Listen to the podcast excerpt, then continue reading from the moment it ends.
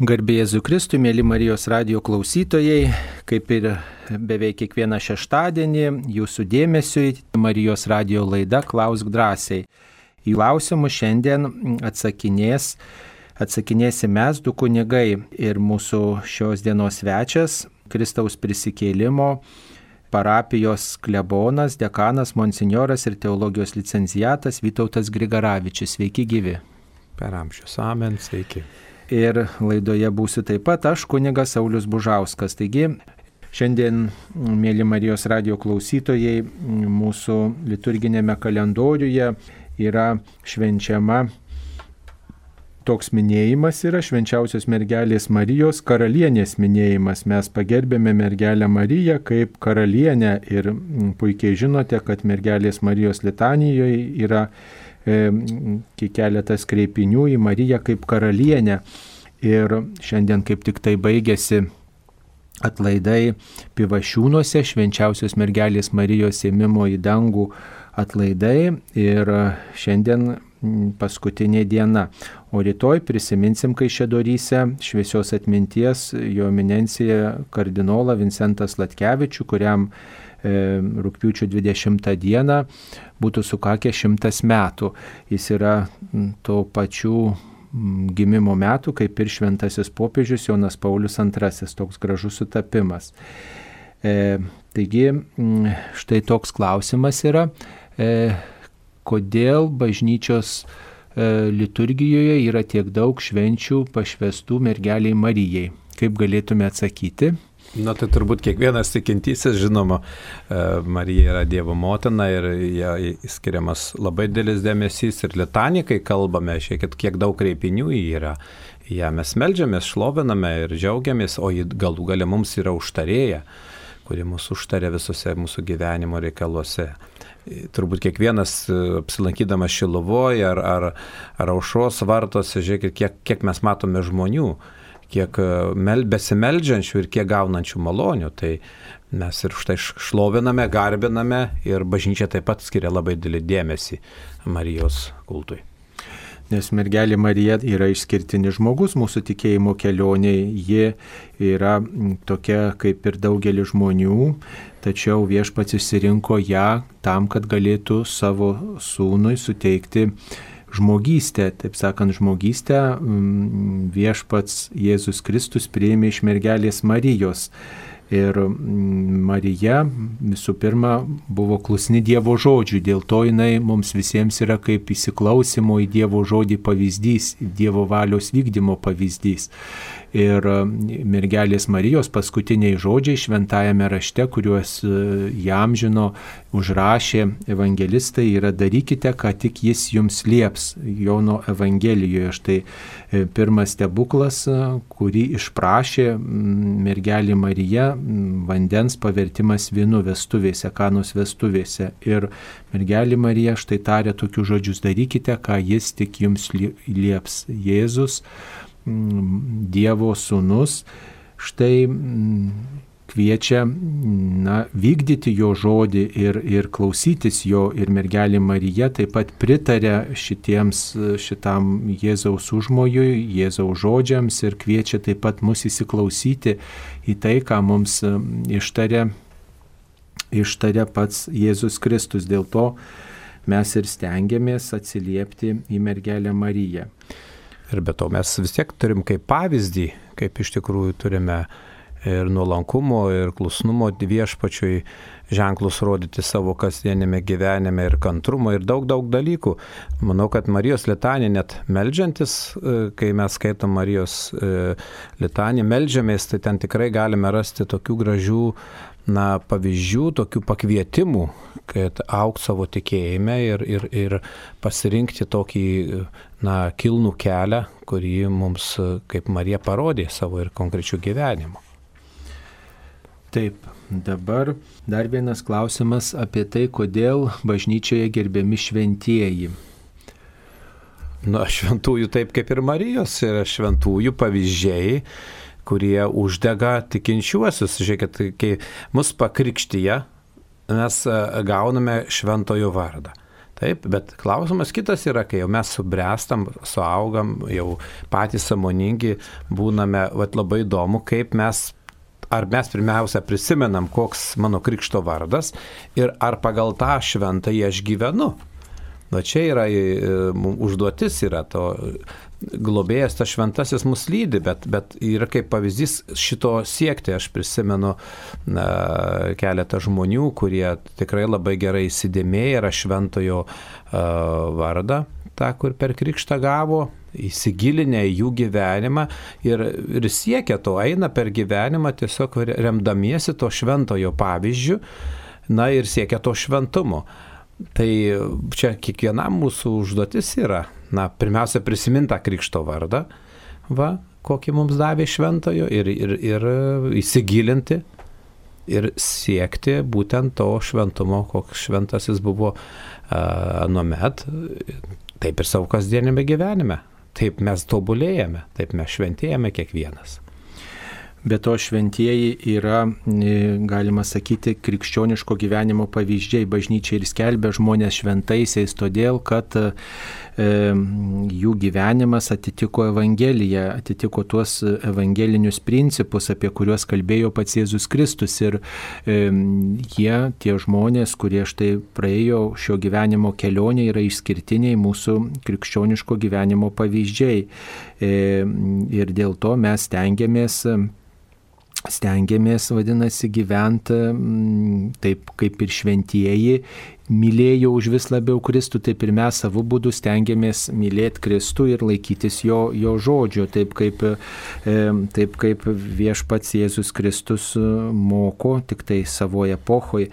Ir daugybė tų šventųjų yra įvairių profesijų žmonių, įvairių pašaukimų žmonių, įvairaus gyvenimo pasirinkimo žmonių, dėl to Ir mums mes iš kiekvienas savo įsrity galime atpažinti mums artimą. Yra mamos šventos, pavyzdžiui, šventoji Monika, kuri ypatingai meldėsi už savo, savo vaikus ir va tas pasišventimas, rūpestis vaikais ir tas susidomėjimas ne tik tai, kad visko užtektų šiame pasaulyje, bet ir jos ištarti žodžiai pa, e, palaidok mane ten, kur bus tinkama, o svarbu, kad mane prisimintum prie altoriaus. Štai va, nu ženklas daugeliu tikinčių moterų motinų, tikinčių žmonių, kaip reikia na, šią gyvenimo kelionę nukeliauti. Arba, pavyzdžiui, mums kunigams šventasis Arso klebonas Jonas Marija Vienėjus. Tai toks ypatingo pasišventimo, ypatingos maldos pavyzdys. Arba, pavyzdžiui, šventasis Jonas Bosko, kad reikia rūpintis e, žmonėmis, kad taip iš tiesų rūp, rūpėtų žmonės ir dėl jų nieko negailėti. Arba ten koks, kad ir pavyzdžiui, vakar minėtas popiežius Pijus X, tikrai viską atnaujinti Kristuje, na tas toks atsinaujinimas gyvenimo visada kad būtų siejama su pačiu Kristumi. Taigi daugelį, daugelį šventųjų mums primena apie savo laikotarpį ir apie tai, e, kad reikia mums nepaliauti mylėti viešpatį savo, savo visomis jėgomis ir stengtis pagal jo žodį gyventi.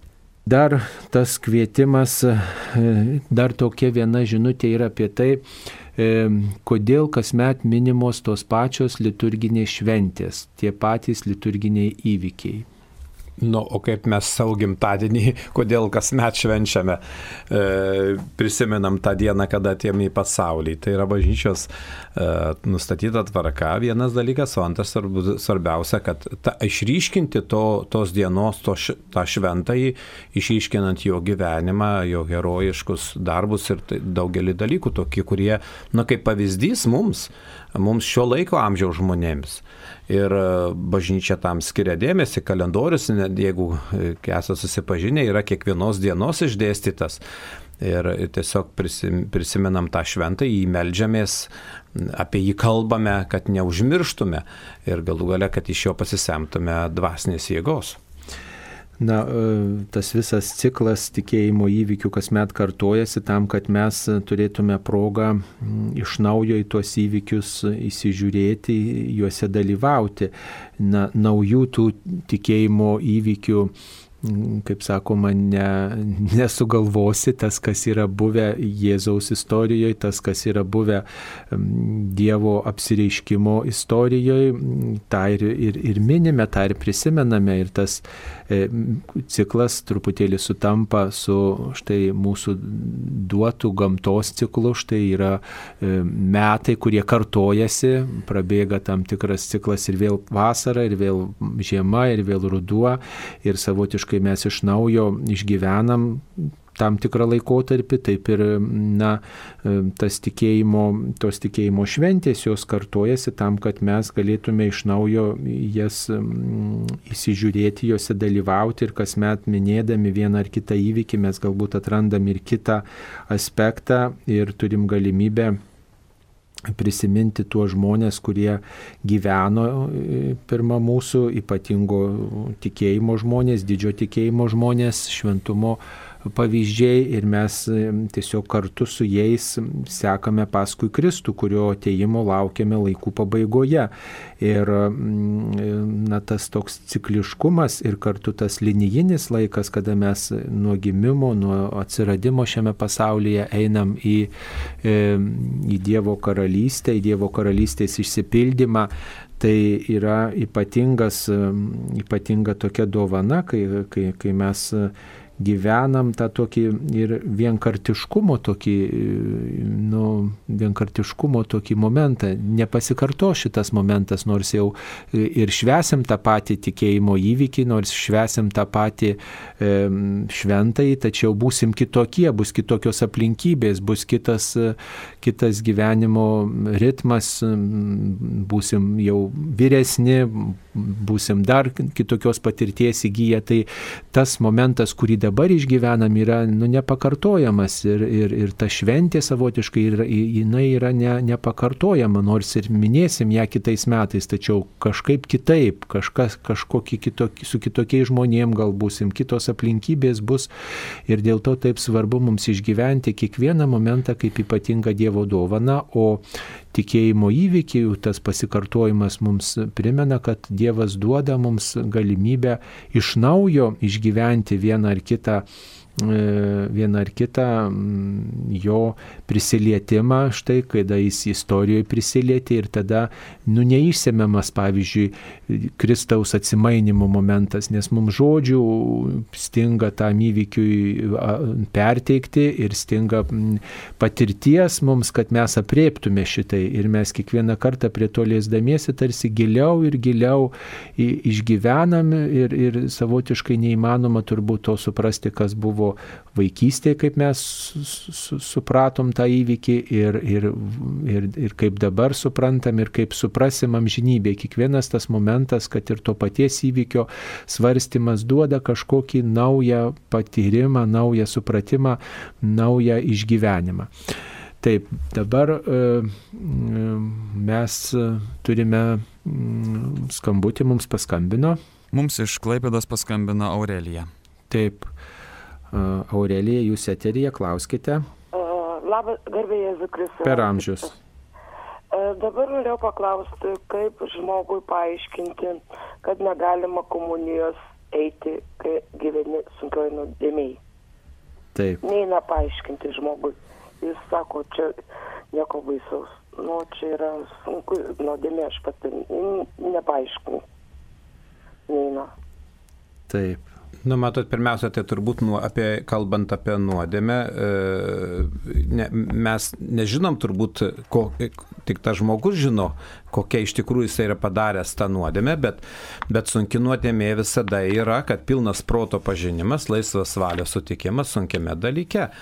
Tai yra sunki nuodėmė ir žmogus e, visą tai samoningai suprasdamas, va, jis turėtų na, susilaikyti nuo sakramentinio gyvenimo, jeigu nepriejo iš pažinties. Tai reiškia, turi, konkrečiai turime, kad per mišes nepriimti komunijos, na, stengtis į šitą dvasinę tokią tuštumą įspręsti, tai būtent per atgailos sakramentą. Bet jeigu jisai samoningai, na, vengia to, nenori, ir jis save laiko teisiu, čia jau kitas klausimas yra. Ir čia jau žmogus turėtų labai rimtai susimastyti apie savo dvasinį gyvenimą.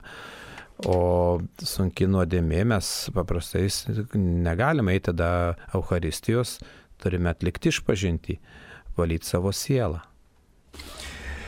E, matot, komunija yra pats Dievo artumas, pats e, Dievas, kuris yra tas pats, kuris e, vaikščiojo šitos žemės keliais, kuris buvo Marijos sunus, kuris darė stebuklus ir kuris mirė ant kryžiaus ir kuris prisikėlė. Tai yra tobulas šventas Dievas. Ir jeigu mes suprantam, kad nuodėmė tai yra purvas, nuodėmė tai yra nu, tai, kas subjauroja mus, mūsų, mūsų santykių, santykius, mūsų, mūsų tarpusavio ryšius, mūsų ryšį su Dievu, ne tik tai, kad blogą darau, bet gal ir gerą nedarau. Ir pavyzdžiui, bejingumas, kai žmogus nelanko bažnyčios, kai žmogus nesimeldžia, nu, tai irgi yra nuodėmė. Va.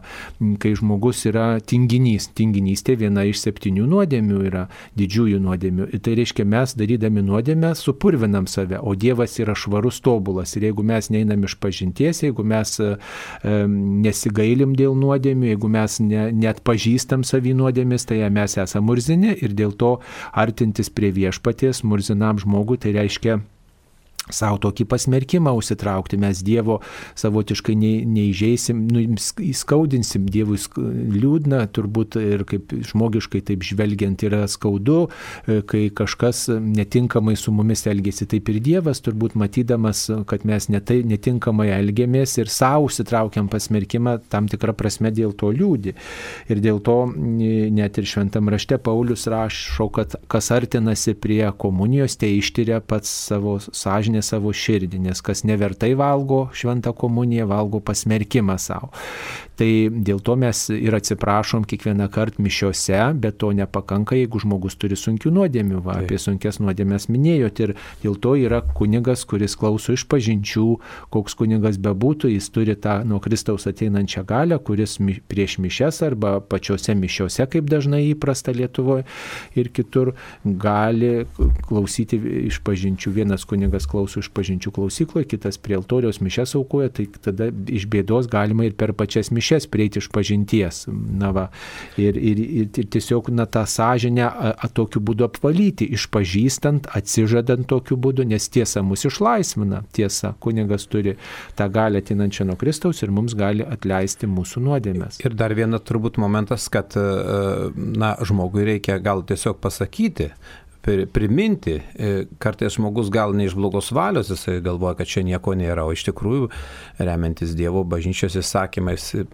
Bet dar svarbus kitas momentas, jeigu žmogus antiek už, užkėtėjęs, užšalęs, sakykime, savo sąžinėje, na, užimelsis reikia. Negalim palikti likimo valiai, e, užimelsis ar keli susitarti ir prašyti Dievo malonės, apšvietimo malonės, kad tiesiog šventoji dvasia na, paliestų to žmogaus sielą, jo sąžinę ir kad jisai galėtų apvalyti e, savo sąžinę per atgailos sakramentą, kad teisėtai galėtų priimti komuniją.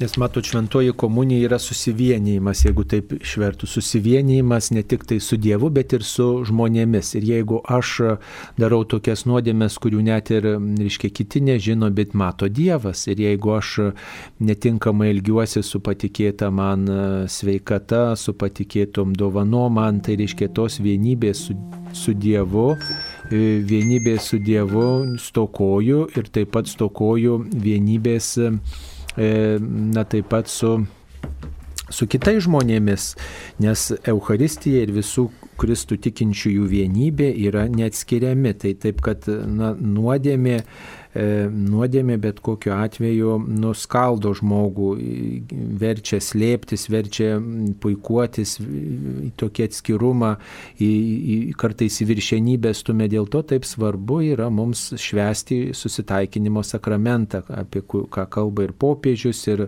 ir ačiū Dievui, mūsų kraštuose šis sakramentas nėra apleistas ir tikrai branginamas daugelio tikinčiųjų, tačiau visada galime dar na, aukti ir ne tik tai ten formuoti formaliai tas nuodėmės išpažinti, bet iš tiesų pagalvoti, o kur, kokiuose srityse galėčiau dar pasitaisyti ir tikrai tą tokį pokalbį su, diev, su, su kunigu, na, padaryti tokį išsamesnį, atviresnį, kad galėčiau tikrai atsižadėti bet kokios nuodėmės ir tokiu būdu labiau pasiruošti susivienimui su Kristumi. Dar einant iš pažinties reikia tas prisiminti penkias atgailos dalis, kurios labai svarbios tam, kad mūsų gera būtų išpažintis, tai pirmiausia atsiminti savo nuodėmės, už jas gailėtis, tvirtai pasiryšti nebenusidėti, atlikti išpažinti, atsilyginti ir taisytis. Tai šitos penkios atgailos dalys mums labai svarbios yra, kad mes gerą atliktume e, sąžiningai išpažinti visada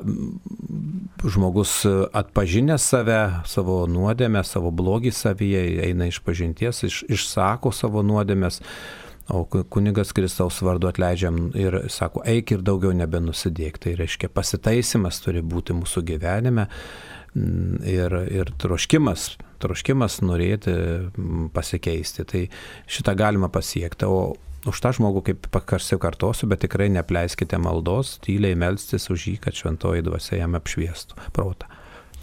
Taip, turime skambutį. Taip, mums paskambino iš Kauno Antanas. Taip, Antanai, kalbėkite jūs eteryje.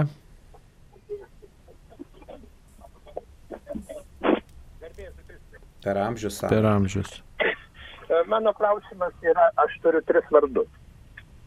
E, krikštytas Antanu, užrašytas dokumentuose Fortunato, o e, teatro sutvirtinimo vardas. Taip. Tai noriu e, Skaitos Šventas Antanas, žinau, kad Birželio 13, Šventas Petras 29, bet e, apie Petrą tai konkrečiai žinau, apie Antaną daugiau norėčiau žinoti, nes kai tik ir Antano parapijai priklausau Kaune. tai va. Ir, ir, apie Šventas Fortunatą. bet čia tiesiog nesusijęta su tuo buvo, bet e, kadangi žinau, kad yra ir Šventas Fortunatas. Jeigu galima, prašom atsakykit. Taip, šventasis Antanas, tai matot, šventieji Antanai, galima sakyti, yra du, ne tik tai šventas Antanas paduvietis, kuris labiausiai žinomas, pažįstamas, bet taip pat yra mm, ir šventasis Antanas, na, atsiskyrėlis. Tai gal pirmiausiai apie tą paduvietį galėtume kažką pasakyti. Jisai yra 12-13 mm, amžiaus šventasis, kuris mm, siejamas su dvi, dviem šalimis - su Portugalija ir su Italija. Portugalijoje jisai yra gimęs, o Paduvoje jisai ilsisi. Dėl to ir vadinamas Paduvietis, jo relikvijos ten yra saugomos Paduvos bazilikoje. Ir mm, na, tas šventasis pasirinko na, e, Švento Antano atsiskyrėlio tą vardą va, ir, ir, ir na, išpopuliarėjo dėl savo gyvenimo būdo, buvo geras pamokslininkas ir turėjo tokių mistinių patirčių savo gyvenime. E, tai e, būdamas tikrai jaunas, jisai susižavėjęs buvo pranciškonais ir, ir, ir labai mėgo melstis bažnyčioje ir, taip sakant, turėjo tokių mistinių patirčių, kurių metu suprato, kad tikrai visą savo gyvenimą norėtų pašvesti Kristui. Jo pirmasis vardas buvo Ferdinandas, tarp kitko ir iš tos pačios raidės kaip ir jūsų, tik tai dabartinis vardas, tik tai truputį kitaip jūsų vardas skamba, ar ne? Bet šventasis Ferdinandas, kuris štai tapo Antanu, E, visą savo gyvenimą e, pašventė Dievui, atsisakydamas e, lengvo gyvenimo, paprasto gyvenimo, malonumų, nes jo aplinka buvo tokia turting, turtinga šeima buvo. Na va ir tiesiog pasakojama, kad jis ant bažnyčios plokštės nubrėžė kryžių ir mm, tas kryžius jam tapo tikrai tokiu ypatingu ženklu. Jis įstojo į Augustino kanauninkų vienuolyną ir mm, na, kontempliacijai pasišventė ir norėjo vis dėlto dar į tokį nuošalesnį vienuolyną vykti, nes ypatingai įtraukė Dievo artumas. Dievo artumas, Dievo, dievo globa ir mm, tiesiog labai troško viešpati mylėti, daug skaitydavo ir mm, na, turėjo, vis turėdavo tokių mistinių patirčių ir susipažino su pranciškonais daugiau ir, mm, taip sakant, matė pranciškonų kankinystę, nu, taip sakant, girdėjo apie tą pranciškonų kankinystę, kurie išplaukė berots į Maroką. Ir, ir sužinojo, kad tie pranciškonai žuvo ir, ir tiesiog žu, buvo nužudyti musulmonų ir, ir tikrai jam tas atidavimas gyvybės dėl Kristaus be galo, be galo imponavo ir dėl to jisai tapo, tapo pranciškonu ir troško dėl Kristaus numirti. Va, nu va, ir, ir tapo kunigu, tapo pamokslininku, buvo keliautojas, kadangi pranciškonai tokių yra keliaujančiųjų keliaujantis ordinas, kuris keliauja ir pamokslauja apie Kristų, kaip tada 12-13 amžiuje ypatingai buvo aktualu tas kelionės motyvas, nes tų keliautojų keliautojus tikrai priimdavo, dabar tai tie vienuolynai sėslesni ir tai pranciškonai tą tokį keliavimo evangelizacinės misijos aspektą stengiasi išgyventi.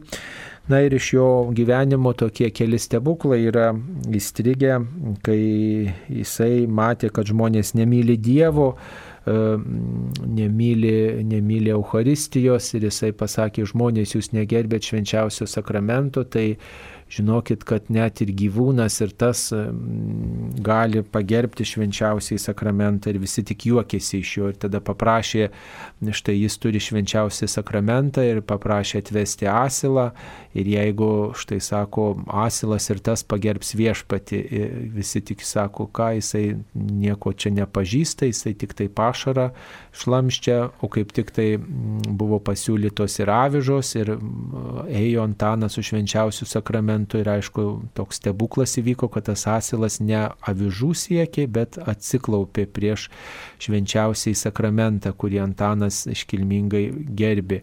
Taigi toks yra toks yra vat, pasakojimas, paskui vienas toksai irgi atmintin yra įstrigęs, kai jisai matė, kad žmonės nesiklauso jo, nekreipia dėmesio, nu sako, gerai, sako, einu aš ir sako, kūrinyjei pamokslausiu Dievo, dievo kūriniams ir prie vandens nuėjęs, tiesiog šlovino viešpati, žuvelės šaukė ir tikrai vandens gyvūnai pasakojama, kad žuvis klausėsi, šokinėjo, klausėsi iškišę galvas iš vandens. Tai va tokios įdomios istorijos, kurios byloja apie žmogaus, šio žmogaus, šio švento žmogaus viltį, tokį, e, tokį norą nenuleisti rankų, ieškoti kūrybingų būdų, kaip čia žmonės prabilti ir viešpats palydį jo, jo šitą, šitą kūrybingą kūrybingumą, šitą drąsą, šitą pasitikėjimą dideliais ženklais.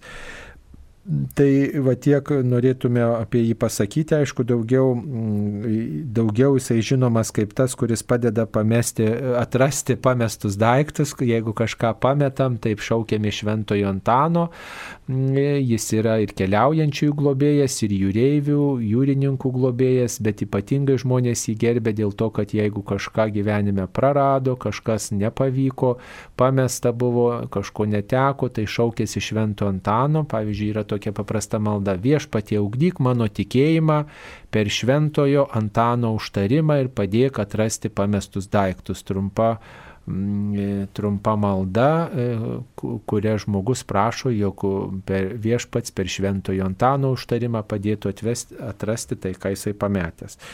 Tai vad, kunigė, kažką gal pridėsit apie šitą šventąjį Antaną? Nu jau viskas sakyta, o be to, to labiau, kad jūs esate Švento Antano parapijos. Kaip supratau, tikintysis, tikrai atsidarykite internetinį puslapį Švento Antano parapijos, labai išsamei yra apie Šventąjį Antaną e, pateikta informacija. O tas jo pirmtakas Šventasis Antanas Didysis, Antanas atsiskyrėlis, jis yra 3-4 amžiaus šventasis, 3-4 amžiaus sandūriui gyveno, jisai minimas sausio mėnesį yra, e, sausio 17-ąją.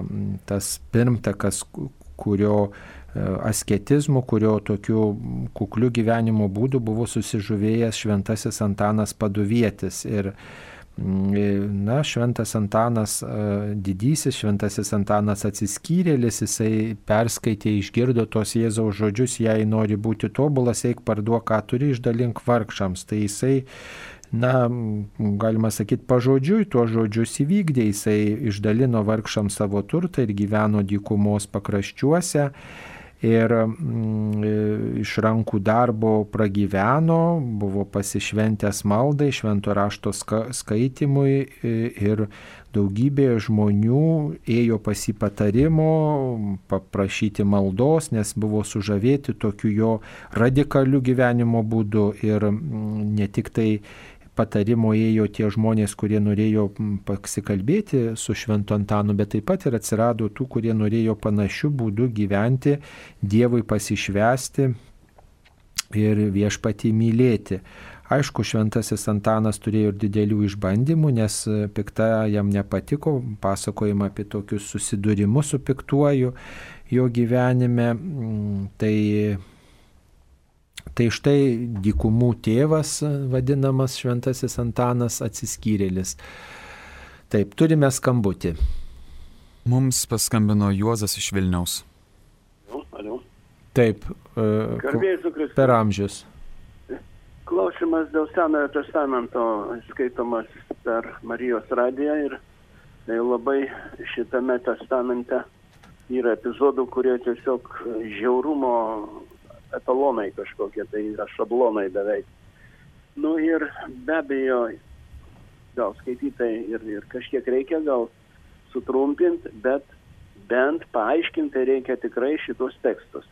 Nes be paaiškinimo tie tekstai gaunasi tokie e, šiuolaikiniam akim žiūrint sunkiai, sunkiai priimami ir suprantami. Nu, suprantame, aišku, kas vyko, blogai vyko bet, bet kažkokio aiškinimo išsamaus reikia būtinai. Kodėl šito nėra atliekama? Nu, pirmiausia, tai nenorėčiau sutikti, kad nėra atliekama, ypatingai Dievo žodis yra kiekvieną dieną skelbiamas ir Evangelija skaitoma, ir Seno testamento, ir, ir sakomos homilijos, ten iš tikrųjų galima atrasti labai daug atsakymų. Aišku, čia gilios studijos yra ir suprantu jūs, kad išklausus tik vieną kartą ir tai gal ar, sakykime, nuotrupom išgirdus tai sudėtingiau suvokti, bet gilinantis šventą raštą, tai visada turime turėti omeny, kad yra, galimos, gal, yra galimybės būtent klausant homilijų taip pat yra komentarai, kuriuos galime ir, ir paskaityti ir internetinėje aplinkoje, sakykime, ir, ir taip pat e, komentarai yra ir švento rašto išleisti, kuriuos galima įsigyti katalikiškose knygynuose. Na, e, tie žiaurumai, kurie ten aprašomi, matot, yra e, viena vertus tai yra Dievo žodis, bet kita vertus tai yra žmonijos istorija. E, tikėjimo istorija, bet ir žmonių gyvenimo istorija. Mes puikiai žinom, kad istorijoje yra buvę žiaurumų, yra buvę žiaurų, skaudžių, sunkių dalykų. Mes patys esam patyrę dramatiškų momentų, kai kas gal tikrai yra patyręs ir, ir žiaurių, tragiškų momentų savo gyvenime. Štai žinom, tremtis buvo, buvo buvo pokario kovos neteisybės, buvo daugybė dalykų, kur tikrai lėjosi kraujas ir, ir, ir to istorijoje yra buvę. Ir e, Dievas, kuris kalba per e, žmonių patirtį, kuris kalba per žmonių gyvenimus, per žmonių veiklą, jisai taip pat ten dalyvauja ir, ir, ir jis taip pat turi šitą pasakyti ir jis neignoruoja tų žmogaus gyvenimo dienų, žmogaus įvykių, bet jis kreipia į, į, į save per tuos net ir žiaurius, skaudžius, sunkius dalykus. Tai mes negalim taip pažodžiui viską, vat, buvo žiaurumai, čia Dievas įsakė taip, bet, bet žinokim, kad tie žiaurumai vyko dažniausiai todėl, kad žmogus buvo nusigręžęs nuo Dievo ir žmogus buvo nusigręžęs nuo artimo. Ir, ir, ir tas veda į, į, į susvetimėjimą, į, į, į nuostolį, į, į, į, į, į griūtį, į, į žiaurumus visokius. Ir mes negalim na, vienareikšmiškai tai pasakyti. Tai yra tik tai va, Dievo norėta, Dievas kaip tai leido. Dievas davė laisvą valią, o žmogus netinkamai ją naudojasi. Ir, ir net ir Dievas dalyvauja tuose skaudžiuose dalykuose, kad juos pakreiptų į gerą. Ir net ir e, tie žiaurūs dalykai, jie tam tikrą prasme išeina į gerą tam, kuris myli Dievą, tam, kuris supranta tomis sunkiomis aplinkybėmis, kad Dievas yra, yra maloningas, kad jis nepale, neapleidžia savo ištikimųjų ir kad jis išveda į gerą tuos, kurie e, na, išpažįsta jį ir atmeta stabmeldystę, atmeta, atmeta bet, kokį, bet kokią nuodėmę. Ir na, šventai raštą reikėtų ypač ir Senąjį testamentą skaityti tam tikrą prasme gretinant su naujuoju.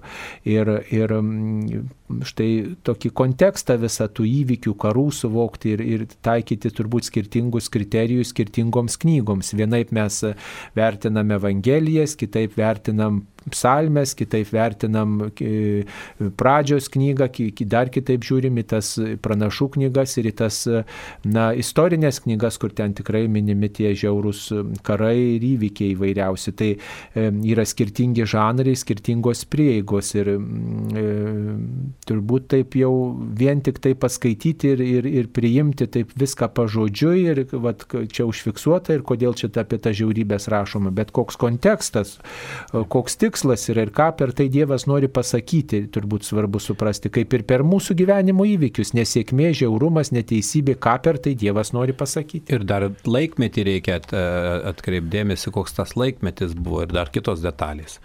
Taip, operatorius perskaitys žinutę.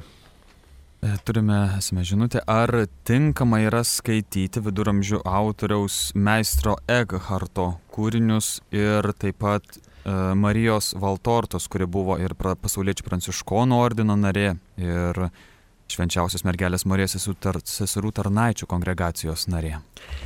Jeigu jūsų tikėjimui tai padeda, jeigu jūs tikrai skaitote ir šventą raštą, ir skaitote tą voltortą, tai tikrai, taip sakant, būkite palaimintas ir džiaukitės. Taip, yra labai skirtingos nuomonės. Vieni e, cituoja ir popiežius, ir, ir, ir, ir įvairius teologus, kurie pritarė tokiai lektūrai, kiti, kiti labai skeptiškai žiūri, e, kartas viskas gerai su e, kartu, čia klasikinis autorius yra ir skaitykite dvasinį skaitimui tinka, Valtorta, kai kurie žmonės tikrai tuo žavisi, na, aš sakyčiau, reikėtų labiausiai skaityti šventą įraštą, labiausiai skaityti šventą įraštą, Evangelijas skaityti ir skaityti katekizmą ir skaityti tuos autorius, dėl kurių e, niekas nediskutuoja, kurie yra klasikiniai autoriai. Teresė Vilietė, Kryžiaus Jonas e, ir, ir, ir panašus lektūra panaši, kuri yra, na, va, šventųjų veikalai, šventas Šventasis Augustinas,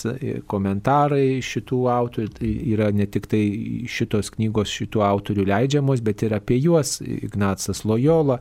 Štai šventieji ir jų knygos, tai jie nekelia diskusijų, mistiniai išgyvenimai, mistinės patirtis, jos duotos tam tikrų laikotarpių, tam tikriems žmonėms, jos paplitę yra, bet yra truputį pavojus, kad mes iškeliam jų autoritetą aukščiau apreiškimo. Ir tuomet, reiškia, va, toj knygoje taip parašyta, vadinasi, tik taip ir buvo ir čia tik tai taip ir gali būti. Taip, tai yra žmogaus įžvalga, žmogui duota patirtis, tačiau ji, na, mes jos negalim, jos, taip sakyti, autoritetą iškelti aukščiau virš, virš nu, virš paties Jėzaus apreiškimo. Štai turim e, šventą įraštą, turim e, apreiškimą ir negalim, pavyzdžiui, Faustinos dienoraščio iškelti aukščiau. Ne? Tai net ir, kad ir Jėzus yra kalbėjęs tiem žmonėms, bet tai yra jų patirtis, jie atskleidė taip, bet žiūrėkim, kas mūsų krikščioniškam tikėjimui yra tas tvirtas, nepajudinamas lobis prieš tuos šventuosius buvęs, po tų šventųjų, O čia tokia patirtis, kurią žmogus turėjo, jis pasidalino, jei kažkam naudinga, te skaito, jeigu neskaitysit, nebus blogiau. Jeigu skaitysit, labai atsargiai, išmintingai, žiūrėkit, kad tai neprieštarautų mm, bažnyčios mokymui. Turime skambutį. Ona iš Alitaus. Taip. O klauskite jūs eterėje, mėla Ona. Per amžius. Norėčiau tokį vieną pa, pamokymą, patarimą. Lankydavau adoraciją pirmais penktadieniais. Dabar jau nebeturiu galimybės, amžius pasvadina kambarį. Ir norėčiau sužinoti, namuose atmintinai prisiminus tą visą vaizdą, ar galima, ar pats melstis ir laikyti kaip adoracija. Melsti pačias maldas, garbinti švenčiau sakramentą ir panašiai. Ar tinka? Dabar antras klausimas toks. Būti viskas gerai, bet jau kita bėda. Naktimis yra, būna adoracija per Marijos radiją. Būtų gerai viskas, bet klausia mane jau nebeduoda suprasti gaiduos, o ten daug yra gėduojama. Kalba, pavyzdžiui, rožančių ir gėda giesmės ir aš tą laiką nebežinau, ką elgtis. Ar man galima rožančių kalbėti vienai be jų, ar reikia būtinai kal... laikytis tą laiką ir kaip prasidžiu, nežinau nikom kalbėti ir, ir noriu kalbėti iš savo maldas, galvoju, kad gal reikia klausytis tik tai per radiją gėdant ir kalbant. Taip, supratom, supratom. Tai, mamutėlė mėla, e, labai gražu, kad e, adoravo švenčiausiai sakramentą, kai buvo galimybė. Dabar matomai, kaip supratom, dėl sveikatos negalite, tikrai visada galite viešpatį išlovinti savo maldą ir jungtis su visa bažnyčia, nes pasaulyje kažkokioje tai vietoje yra švenčiausio sakramento adoracija, tęsiasi ir ta intencija jungiuosi su viena ar kita parapija ar vienoje kitoje vietoje, kur yra adoruojamas švenčiausias sakramentas. Kas liečia jūsų maldą, tai iš tikrųjų, jeigu galite, tai jungitės kartu, nes Kristus sako, kur du trys mano vardu ir aš ten esu jų tarpe. Tai e, jungitės kartu, bet jeigu matote, kad, kad negalėjote prisijungti, ar tai tiesiog galite individualiai melsis, taip kad visos jūsų maldos yra tinkamos, geros ir e, labai gražu, kad, kad tikrai toliau dvasinį gyvenimą vedat ir, ir jungiatės maldoje, tai yra nuostabu ir Dieve padėk jums kad turėtumėte sveikatos ir jungtumėtės maldoje ir adoruotumėte švenčiausiai sakramentą. Nebūtinai, kad nesate visiškai prie pat, bet Jėzus visur yra ir mes tą intenciją adoruodami šlovinam viešpatį.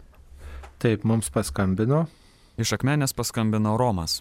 Taip, Romai, klauskite. Garbėsiu Kristui. Per amžius.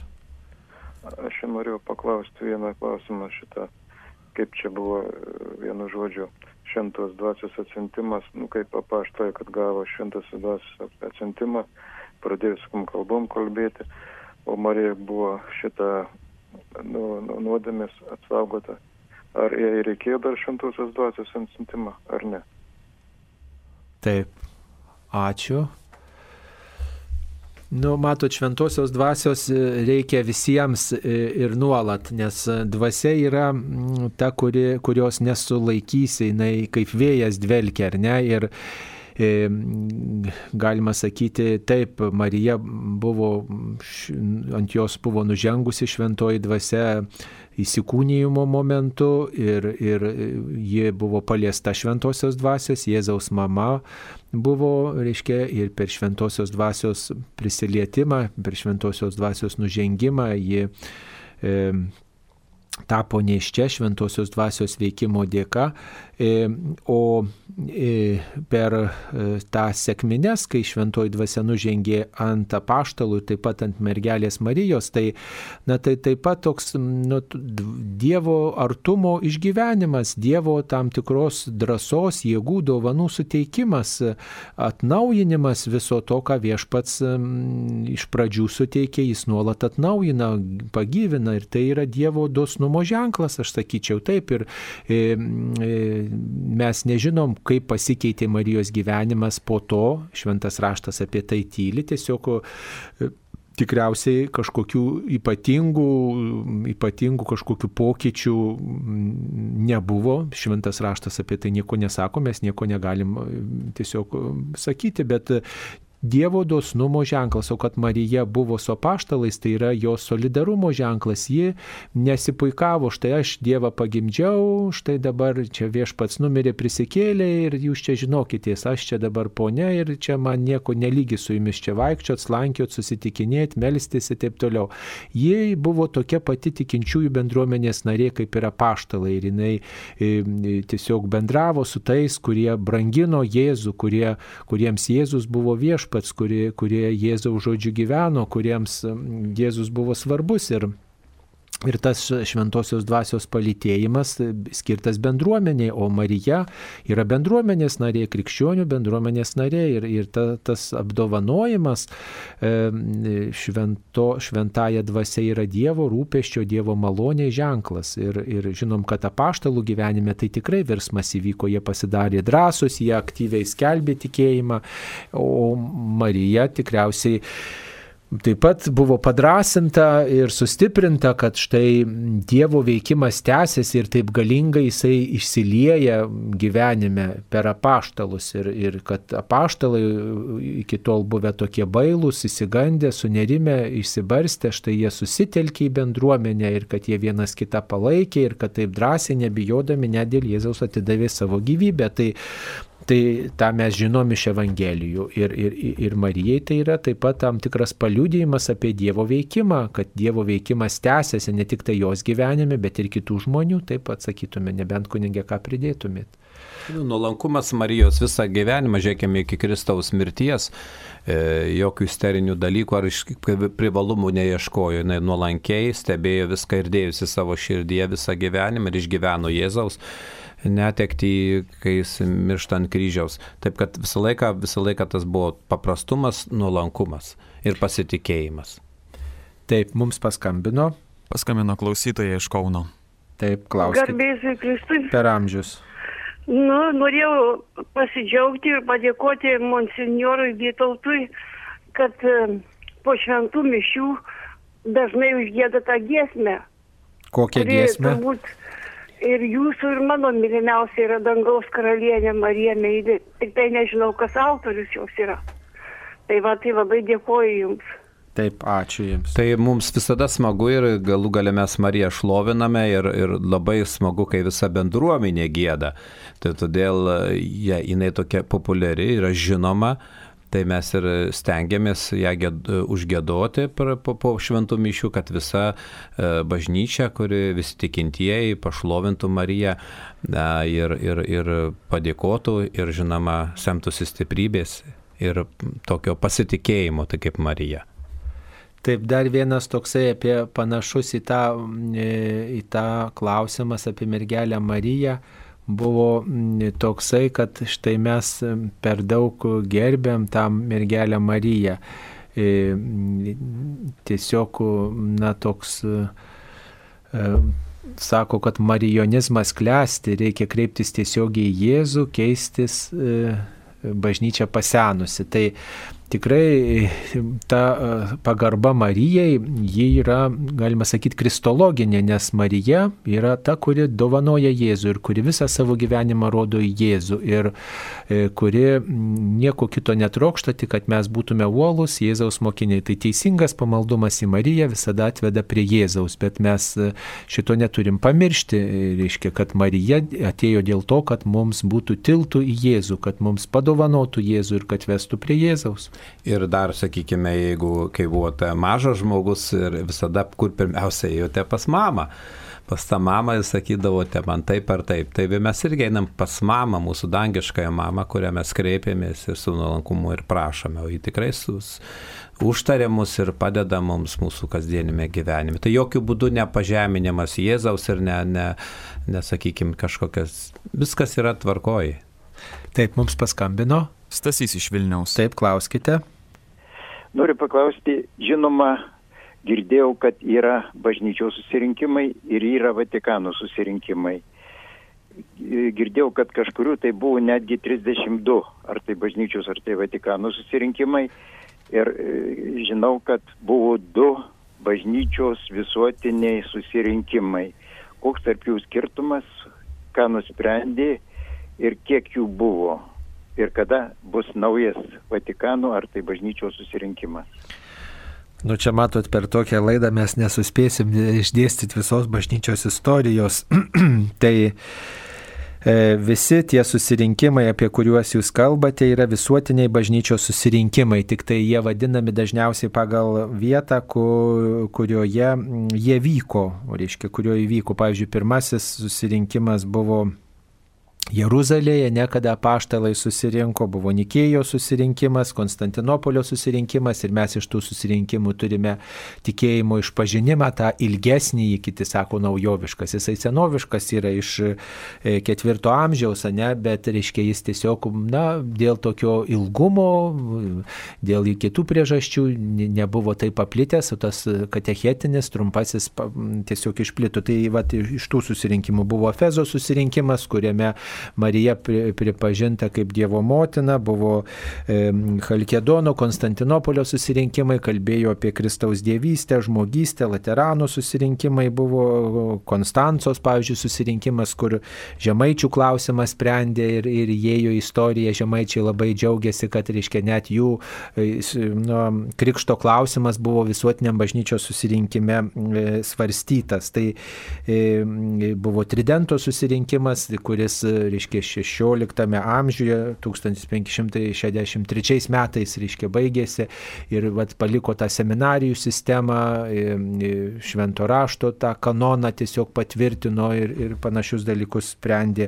Na, Ir, reiškia, va, skirtingose, kraštu, skirtingose buvo regionuose surenkti tie susirinkimai ir, ir du susirinkimai buvo Vatikane. Vatikano pirmasis susirinkimas ir Vatikano antrasis. Vatikano pirmasis e, buvo užbaigtas 1870 metais, o Vatikano antrasis susirinkimas buvo užbaigtas 1965 metais e, popiežiaus e, Pauliaus VI. Tai e, va taip, dabar kada, kokie jų nutarimai, Vatikano pirmasis susirinkimas nu, pagarsėjo, nes kalbėjo apie popiežiaus neklystamumo tiesą, kad popiežius kalbėdamas ekskatedrą tikėjimo ir doros dalykuose neklysta, turi tokią malonę, o Vatikano antras susirinkimas išleido e, dogminės konstitucijas, galima e, surasti reiškia apie tas, tas konstitucijas paskaityti, apie bažnyčios tokį universalumą kalbą, apie kumenizmą kalbą, apie pasaulietčio paštalavimą kalbą, apie pasauliečių dalyvavimą aktyvesnį bažnyčioje, apie bažnyčią kaip motiną ir, ir panašius įvairius dalykus. Ir aišku, po antro Vatikano susirinkimo be neaiškiausias ženklas yra, kad liturgija švenčiama nacionalinėmis kalbomis ir ta liturginės reformos kad štai liturgija yra ne tik tai kunigo darbas, bet ir visuom tas dalyvavimas aktyvus bendruomenės. Svarbus ir aišku, kad svarbus ekumenizmas, ekumenizmas, reiškia visų krikščionių vienybės siekis toksai, ne, kad Kristų tikinti švenčiausia trybė išpažįstanti žmonės galėtų drauge susirinkę melstis. Taigi tokie susirinkimai, dabar jų buvo rodos 21, jeigu neklystu, o e, apie tą trečiąjį, tai žinot, visada, kai šitas klausimas iškyla, sako, mes dar antrojo neįgyvendinom, neapmastėm. Čia šitus susirinkimus paprastai šaukia popiežius, juose dalyvauja viso pasaulio viskupai e, ir svarsto aktualius bažnyčiai klausimus. Tai, nu, nežinau, čia šitą popiežiai tik tai sušaukia juos ir, ir turi juose pirmininkaujas, ten pasisakymai būna, darbas grupelėse, nu toks, e, taip sakant, nežinau, ar čia tas klausimas pats aktualiausias. Yra ir kiti turbūt būdai, kaip spręsti bažnyčioje iškylančius iššūkius, sunkumus, klausimus ir, ir ir, ir, ir, ir dalykus, tai, tai žodžiu, na, čia bažnyčios istorijos dalykas ir tikrai, kad kiekvieną tą susirinkimą aptartume, tai čia reikia labai išsamių laidų ir čia bažnyčios istorijų užduotis yra. Ir aišku, apie tai galima surasti labai daug medžiagos ir lietuviškai. Tarp kitko, pirmosius susirinkimus pripažįsta visi krikščionys. E, pirmosius susirinkimus, rodos, stačiatikė ten ar septynis ar aštuonis pripažįsta, kitos bažnyčios ten mažiau o paskui po, po skilimų jau, jau, pavyzdžiui, tas Vatikano antrojo susirinkimo nepripažįsta vėlgi katalikų bažnyčios dalis, vadinami Lefebro pasiekėjai, tai žodžiu tie susirinkimai ne tik tai čia bažnyčios problemų svarstymas, bet ir nemažas iššūkis, kad ir kai kurie krikščionys nesutinka su tais susirinkimais, susirinkimų nutarimais. Tai žodžiu nėra toks paprastas dalykas, bet to, e, bet to tai reikalauja ir didelių ir išteklių, nes ir atvykti reikia, ir darbą organizuoti. Tai e, manau, kad bažnyčia, popiežius mato ir kitus būdus, kaip galima bažnyčios gyvenimą ir reformuoti reformuoti ir, ir keisti ir priimti tam tikrus iššūkius. Tai, kad čia susirinko, nutarė, tai dar ne, nereiškia, kad čia jau ta. Tai yra toks būdas bažnyčiai valdyti, bet yra ir kitų. Taip, mums paskambino. Stasi iš Kauno. Taip, klauskite. Garbėsiu Kristui. Per amžius. E, tiesiog noriu ne klausimą, bet tiesiog kaip padėką noriu aš išreikšti už jūsų laidas gerbiamas direktoriau, tai kaip vaistai mums, aš nemoku pasakyti, aktualijos laidos, garbinimas, šlovinimas kiekvieną rytą, Dievo ir, ir, žodžiu, visi, visi jūsų tie mums duodamos visos mintys, tie visi jūsų žinojimai, kaip reikia mylėti Dievą. Dėkuoju iš viso širdies ir norėčiau tikrai, kad mes klausytojai tikrai galbūt savo maldomis ir aukomis galėtume remti Marijos radiją. Tikrai labai labai jums ačiū ir visi kunigai, kunigas Beltrašaitis, dar paminėsiu, nu čia visų neišsakysi, vienas, kiekvienas savaip brangiai, gražiai išreiškia tikėjimą. Tai tikrai labai, vat, paminėsiu panemunės kleboną, jis taip nuostabiai jaunas kunigas, bet jis tikrai ten viešpaties angelas ir kas baigintis mišioms, gedulinkiams mišioms, jis išbūna iki, iki paskutinės maldos bažnyčioje. Tai tikrai visiems ačiū Jums labai, Taip, labai, kunigui Kauneskui, ačiū labai, te laimina Dievas. Ačiū Jums už gerus žodžius ir tikrai prie Marijos radio gyvavimo galite prisidėti skambindami trumpuoju numeriu 1622 ir tokiu būdu paremti Marijos radio gyvavimą ir taip pat naujos Marijos radio koplyčios e, ir studijų statybų darbus. Ir skambindami 1622 jūs paukojate tuo vienu skambučiu 3 eurus. Ačiū visiems. Jūs girdite Marijos radiją.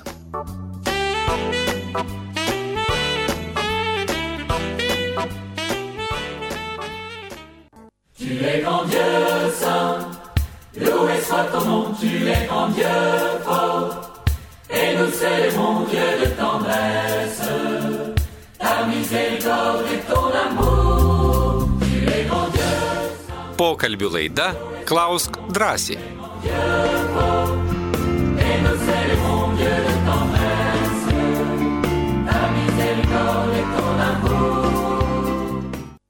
Taip tęsėme laidą Klaus drąsiai. Šioje laidoje į klausimus atsakinėja kunigas monsinjoras Vytautas Grigaravičius. Jis yra Kauno Kristaus prisikėlimo bažnyčios klebonas ir dekanato dekanas. Taip pat ir aš, kunigas Saulis Bužauskas. Mums paskambino. Violeta iš Kauno. Taip, Violeta, sveika gyva, klauskite. Norėjau paklausti, kas yra tylos malda? E, būčiau dėkinga, jeigu paplėtotumėt tai kuo paprastesniais žodžiais. Ačiū Jums. Na, tylos malda jau taip pats, pats žodis sako, reiškia, kada mes e, pirmiausia ne žodžiais, bet širdimi kalbame ir mintimis kalbame su viešpačiu.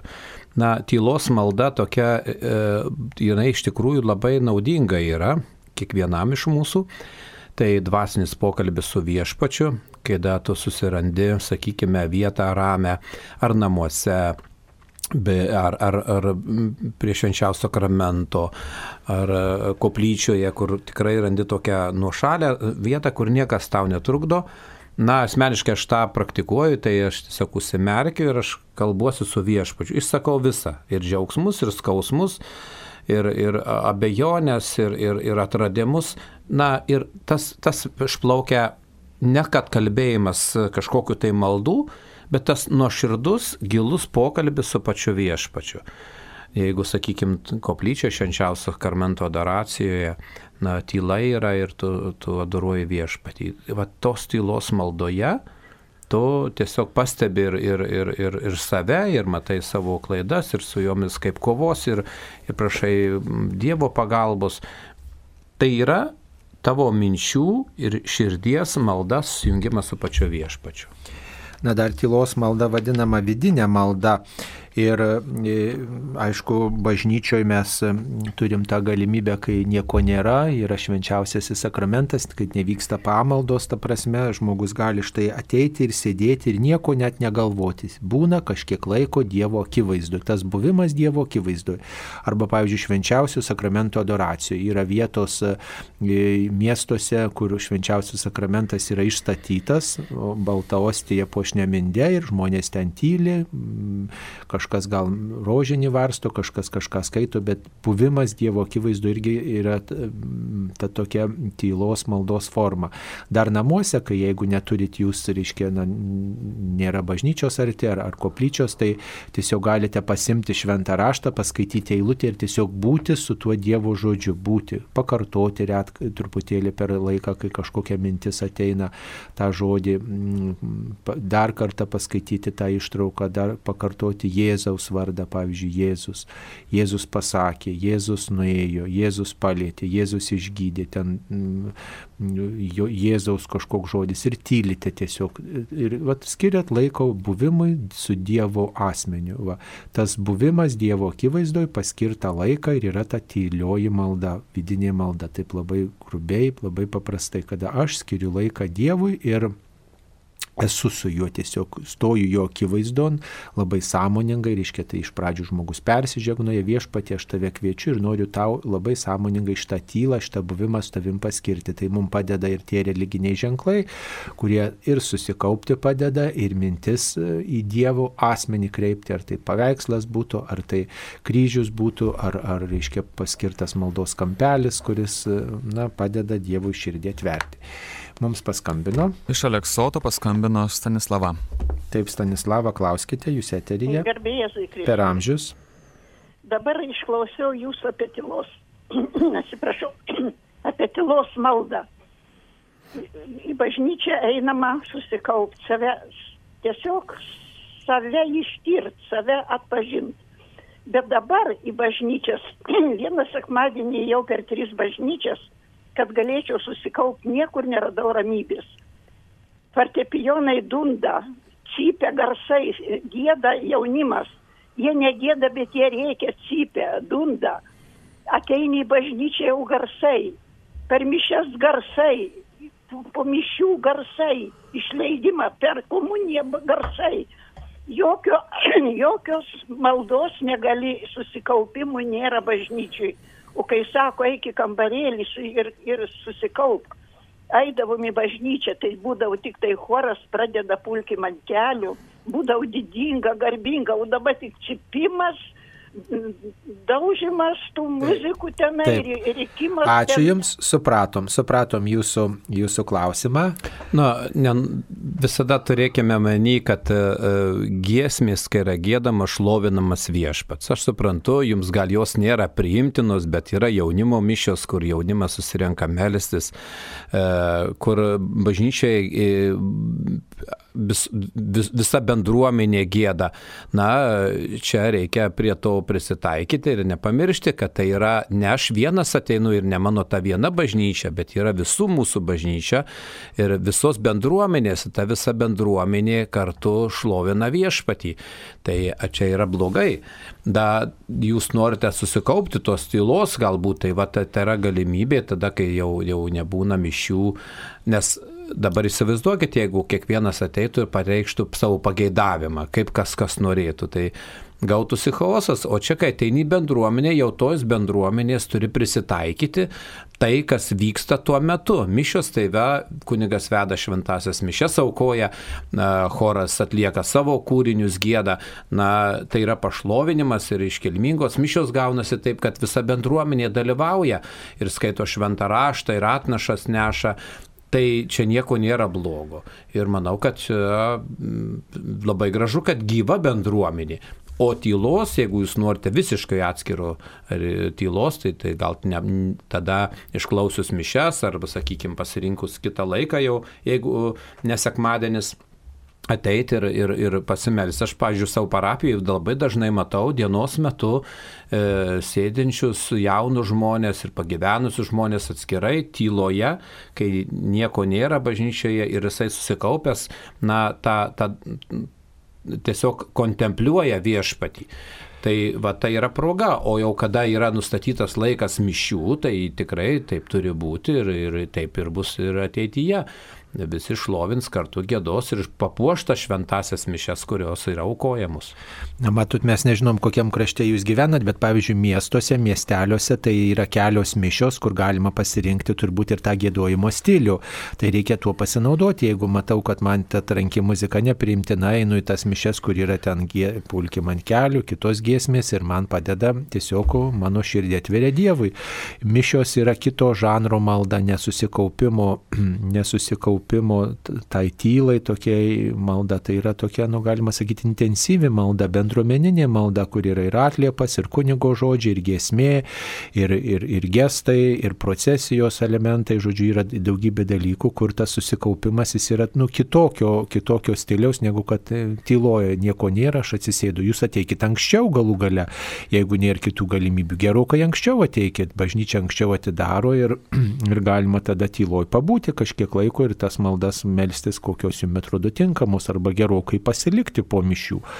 Va tai Tai tiesiog, na, kita prieiga, matot, ne, negalim taikyti tų pačių kriterijų asmeniniai maldai, susikaupimo, tylos maldai ir šventoms mišioms. Galų gale truputėlį aišku, turbūt priekaištas ir visiems kunigams, kad mes mišiuose truputį gal irgi per mažai gal skiriam laiko tylos momentams, kaip reikėtų. Tai, tai tas, tas tikrai, mėla klausytoja, iš dalies teisi, kad mišiuose irgi ir liturgija numato tikrai ir, ir, ir mes kaip mokytojai mokėmės, tai yra kviečiama paskirti bent kelias minutės tylą ir po komunijos, ir po Dievo žodžių, bet na ne visada tą lengva turbūt ir paprasta atlikti. Taip, mums paskambino. Jedvyga iš Kretingos. Taip, klauskite. Garbė Jėzui Kristui. Per amžius amen. 21 valandą e, per Marijos radiją sako, pasimelskime vakarinę liturginę maldą. Ir dažnai būna tokia malda, kad aš turiu užsičiaupti, kaip galima sakyti, kad ten tokie žodžiai, kaip galima kartuoti viešpatie, tu mane įstumė į duobę, tu toks, toks, tokie baisų žodžiai, aš, aš nesuprantu. Taip, Kodėl supratau. Kartais būna labai malonu juos kartuoti, o kitą kartą turiu užsičiaupti ir siaubas ima. Nu, ačiū, mėloji klausytoja, kad jūs klausotės. 21 val. yra ne vakarinė, bet naktinė malda, dienos užbaigos malda. Tai čia yra iš psalmino, mėloji, čia yra iš psalmino, Senojo testamento psalmės, kuriomis meldėsi milijardai žmonių iki mūsų. Ir, ir, ir, ir jie yra maldos apie žmogaus situaciją, apie neviltį, apie liūdėsi, kai žmogus priekaištauja Dievui, kai žmogus tiesiog supykęs ant Dievo, kai žmogus tiesiog mato sunkius dalykus dalykus ir išgyvena skausmą, skundą, tokį liūdėsi ir, ir tiesiog sako, Dieve, kodėl leidai, kad aš toj duobėje atsidurčiau. Žinot, tai čia irgi Dievas yra visagalis ir jeigu aš esu duobėje, tai vadinasi, jis leido, o jeigu leido, tai beveik kad ir įstumė, žinot, žmogus taip tiesiog galima sakyti supaprastina, blogo atsitiko, kodėl viešpati mane nuskriaudė, kodėl dabar aš tokiam varge, tu mane į šitą vargą įstumėjai, o, o reiškia norima pasakyti, kad tu leidai tu žinai apie tai.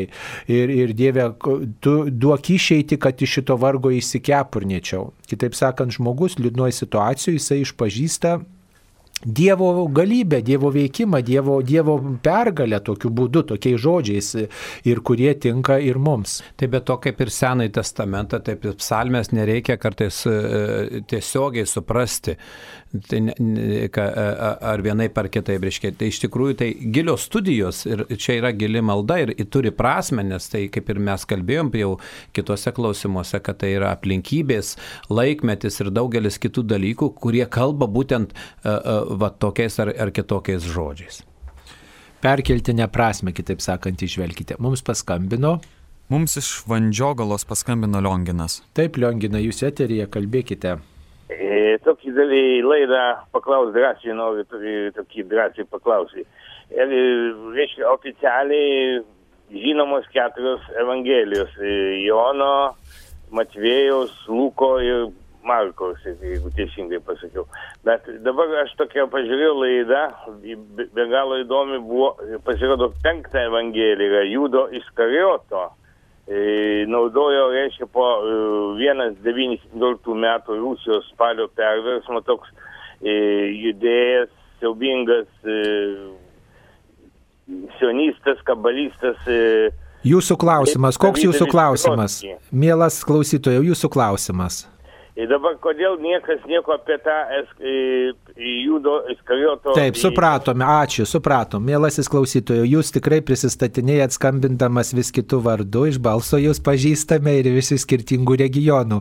Nu gal keliaujate, skirtingose regionuose esate, tai, tai ta suprantama, bet kad vardas jūsų vis skirtingas, tai truputį keista, taip žmogus tapatybės keisti ne, negalėtų. Tai atsakomi jūsų klausimus. Tas e, Evangelija pagal Ju- Judą, Judo Evangelija yra vadinamas apokrifas. Tai yra tokie raštai, kurie atsiradę palyginus vėlai ir kurie nepriskiriami šventam raštui. Nesvarbu, kad jie vadinasi, vadinami Evangelijomis, tačiau bažnyčia, tikinčiųjų bendruomenė neatpažįsta juose įkvėptumo. Jie kalba apie e, dalykus, kurie visiškai skirtingai suprantami. Nu, tai yra pamaldi literatūra, neaiškaus autoriaus ir, ir jinai visiškai skirtingo žanro, skirtingo stiliaus ir skirtingas jos interpretavimas tos raštyjos. Jinai neturi tokio dieviško autoriteto, kaip turi jūsų minėtos Evangelijos. Tik truputį jas ne, ne taip e, netaip įvardinote, tai yra Evangelija pagal Matą, Joną, Luką ir Morkų, taip mes lietuviškai vadiname.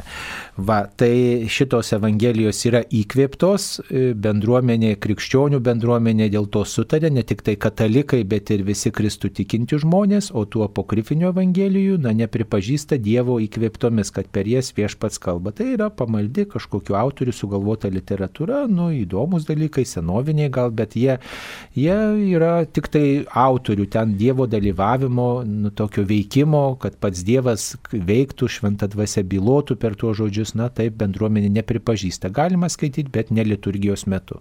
Taip. Mums paskambino. Ona iš Vilniaus. Taip, klauskite. Klauskite jūs eterija, mėloji. Gerbėjus Kristus. Per amžius. Norėč, norėčiau sužinoti, ti- reiškia, buvo rastas tikras laiškas Jėzaus Kristaus apie pašvestus kraujo lašus, išliejant, išlietus einant į Kalvarijos kalną. Laiškas rastas šventame kape Jeruzalėje. Norėčiau, kaip čia dabar apie tą laišką daugiau žinoti. Na tai matot, nežinom nei kas tą laišką parašė, ten pavadinti galima įvairiai, tikrai negalėčiau nieko pakomentuoti. Mm, Tai yra tikriausiai kažkokia pamaldi literatūra, kurią kažkas gal paliko. Tikrai nėra žinoma apie apie tai, kad Jėzus būtų palikęs kažkokių raštų, yra žinoma, kad jis rašė, bet rašė ant smėlio. E, Žodžiu, kalbėdamasi su žmonėmis, mokydamas juos, kalbėdamas apie nuodėmę, o, o kitų raštų, kažkokių popierinių, papirusų ant odos ar dar kažko ir būtų priskiriamų Jėzui, neteko girdėti apie tai. Tai visa tai, ką jūs kalbate, tikriausiai tai yra vėlyvos kažkokios, kažkokios raštijos ženklai. Nereikėtų labai rimtai į tai žiūrėti. Tikrai, nu, malda tikriausiai priskiriama Jėzui, bet tikrai nėra Jėzaus parašyta. Yra Jėzus pa- palikęs tėvę mūsų maldą, tai tikrai tas yra žinoma ir tas yra nuo pirmųjų amžių įvairiuose raštuose palikta, tai tikrai priskiriama pačiam Jėzui. Va, jie melskitės, nuoširdžiai apmastykite ir Dievo malonės liesi su kaupu. Taip, skambučių mes neturim. Dabar klausimas, mielas monsinjorė, teko sulaukti po namus vaikštinėjančių mm, personų, kurios nori pakalbėti apie Dievą, bažnyčią ir gyvenimo pilnatvę. Ar tai kokia nors bažnyčios programa? Tikrai e, daug e, žmonės kreipiasi ir manęs klausia šito e, dėl, dėl tų žmonių. Tai iš tikrųjų, jeigu mes esame tikintys katalikai, tai pirmiausia, tai tikrai neselkime nekrikščioniškai, kai kartais ateina žmogus išplūsta, išplūstam, išplūstam ir ko čia lenda, čia taip. Ne, bet reikia turbūt labai tvirtai pasakyti, aš esu katalikas, laikausi katalikų bažnyčios, katalikų tikėjimo ir, ir, ir viskas. Ir ačiū, kad aplankėte, manęs tai nedomina ir viskas. Uh, jie, tai Jehovos liudytojai, dar kiti, reiškia, tai manau, kad visada su pagarba reikia, bet reikia pasakyti, nes mes paprastai žmonės daro klaidą, įsileidžia, šnekučiuojasi, o, o, o tų tie žmonės paskui vėl kitą kartą eina ir jau, jau kai vieną kartą įsileidai, kitą sako nepatogu, nepatogu. E, jeigu manęs tai nedomina, tai aš labai trumpai, aiškiai pasakau ir viskas to pasibaigia. Taip kad e, visada žiūrėkime, ką įsileidžiame į namus ir iš vis. Bažnyčia e, tikrai, e, ne, jeigu ką skelbs, tai tikrai pasakys, sakykime, parapija konkrečiai, jei ką darys, bet tai bus pasakyta pačioje bažnyčioje, bet paprastai tai mes renkamės į bendruomenę ir ten išgirstame Dievo žodį, dalyvavom mišiuose, išgirstame įvairius e, skelbimus. Na, va dabar kaip tik mes parapijoje vėl rugsėjo mėnesio pradedam sezoną e, parapijų e, viso, tai va skelbiam dabar žmonėms ir juos ne į namus einam, bet mes kviečiam ateiti į parapiją. Va yra 22 organizacijos, kurios e, tikrai įvairiaus amžiaus žmonėms, kas labiau tinka gėdojimu, kas švento rašto studija ir taip toliau, taip toliau. Visą tai gali rasti bendruomenėje ir, ir mes tikrai nesuntinėjom žmonių į, į, į namus ir ten aiškinti tų dalykų. Taip kad visada būkime budrus, bet visada ir išlaikykime gražų gražų tokį, na, krikščionišką elgesį, nes kartais girdžiu, kad iki, iki įsikoliojimų žmonės netgi, na, tie žmonės ateina, jie, jie nori paskelbti savo, kaip sakykime, tikėjimo tiesas, bet jeigu tai manęs, manęs nedomina ir tai, tai aš labai mandagiai pasakau ir tuo viskas pasibaigia. Tai visą laiką išlaikykime toleranciją, nepulkime kitų žmonių, bet ir visada atidarant duris turėkime menį.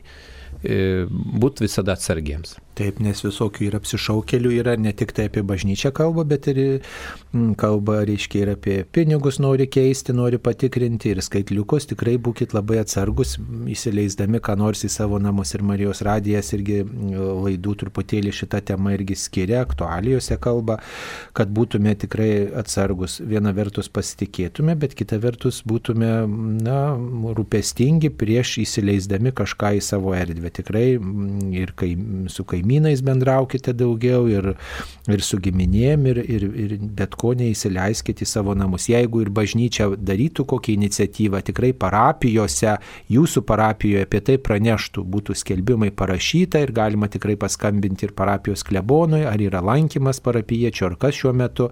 Um, tikrai turite telefoną arba paprašykit, kad kaimynai, giminės jums parūpintų telefoną e, jūsų parapijos klebono ir, ir tikrai pasidomėkit, kad kažkas kitas jų vardu ne, nepiknaudžiautų. Mums paskambino.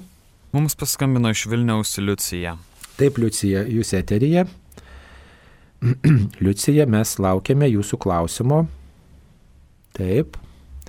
Klausimą Liucija užduos vėliau. Dabar yra pasiūlymas toksai, gal reikėtų kreiptis į Šventą Kazimierą, kuris Gardinė mirė ir prašyti pagalbos Baltarusijai demokratėti, o Lietuvą ginti nuo Astrovo atominio pavojaus. Ir čia dėkoja klausytojai už Juozapo maldą, kurią mes prašome ginti nuo COVID viruso. Na, įvairios formos maldos dabar tikrai reikalingos, ypatingai, kada mes dabar Baltarusija išgyvena tokį, sakyčiau, labai uh, laikotarpį, tokį lemtingą, galim sakyti.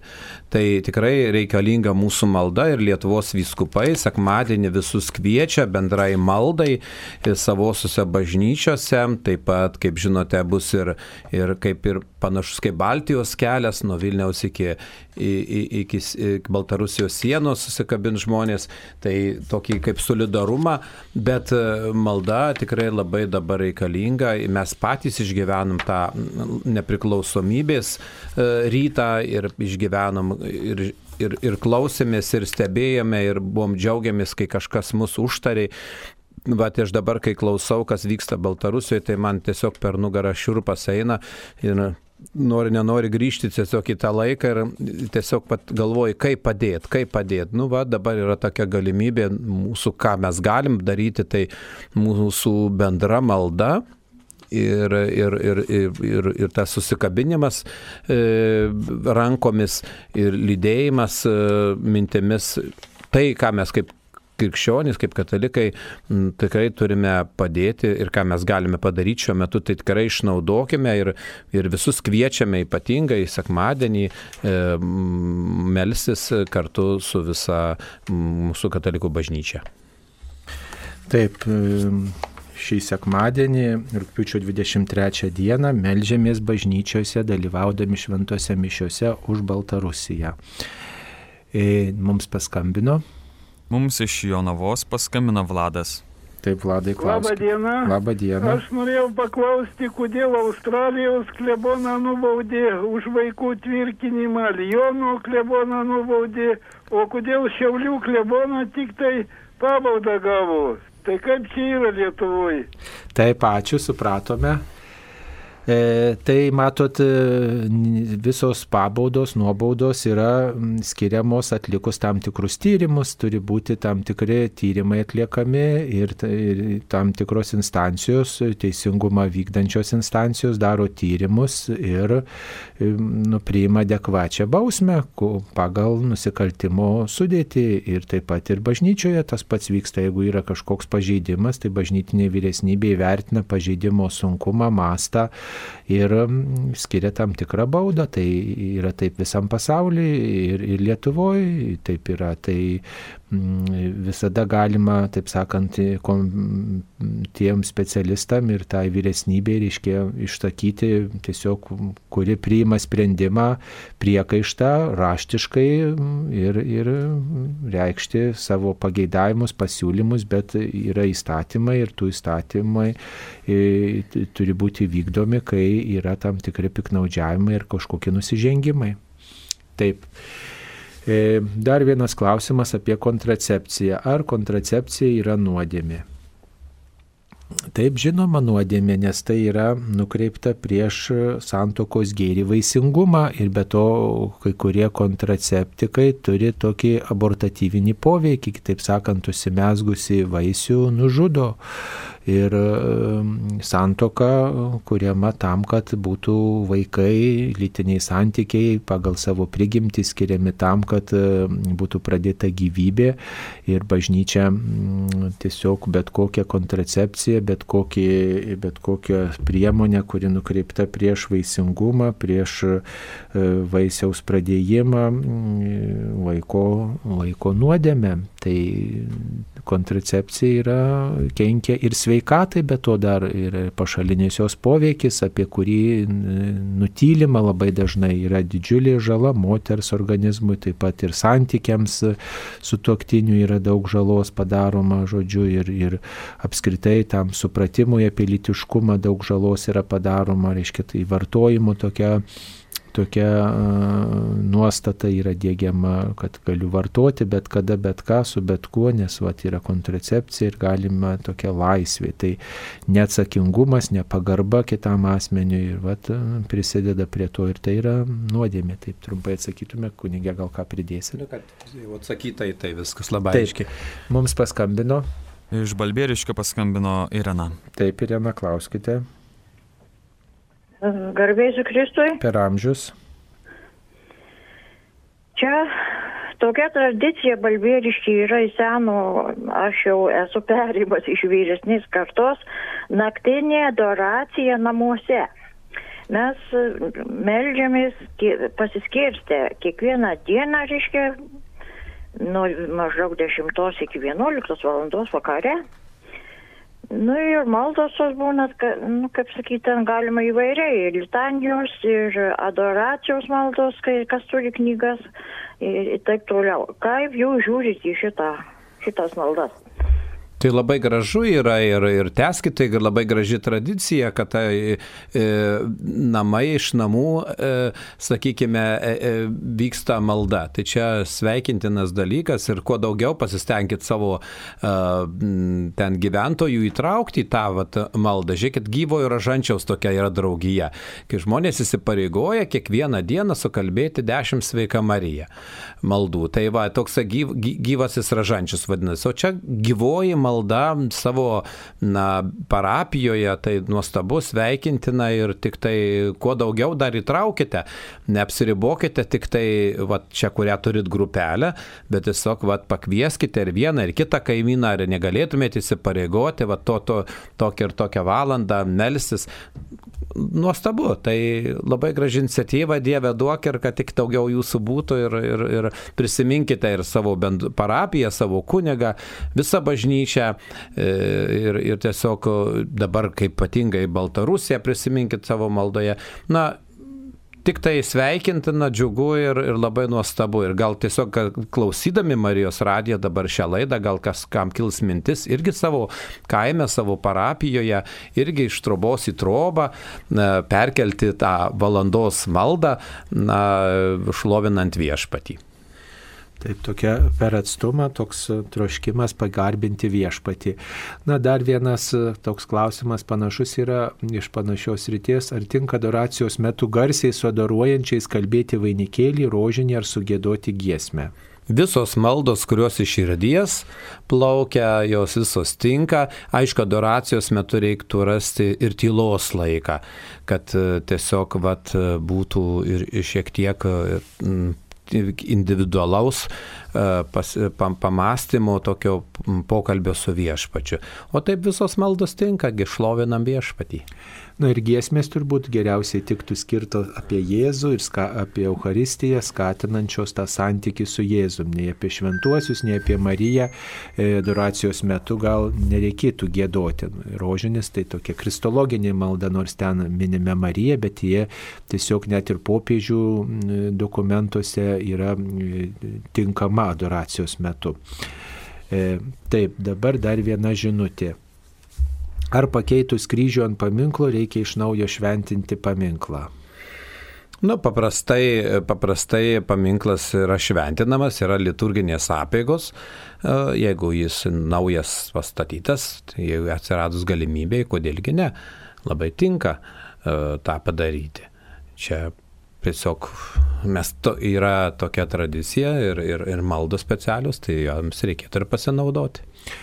Taip, jau kuris laikas kaimo bažnyčioje kunigas neklauso iš pažinčių net per laidotuvės. Ne visi gali nuvažiuoti į rajoną, ką daryti.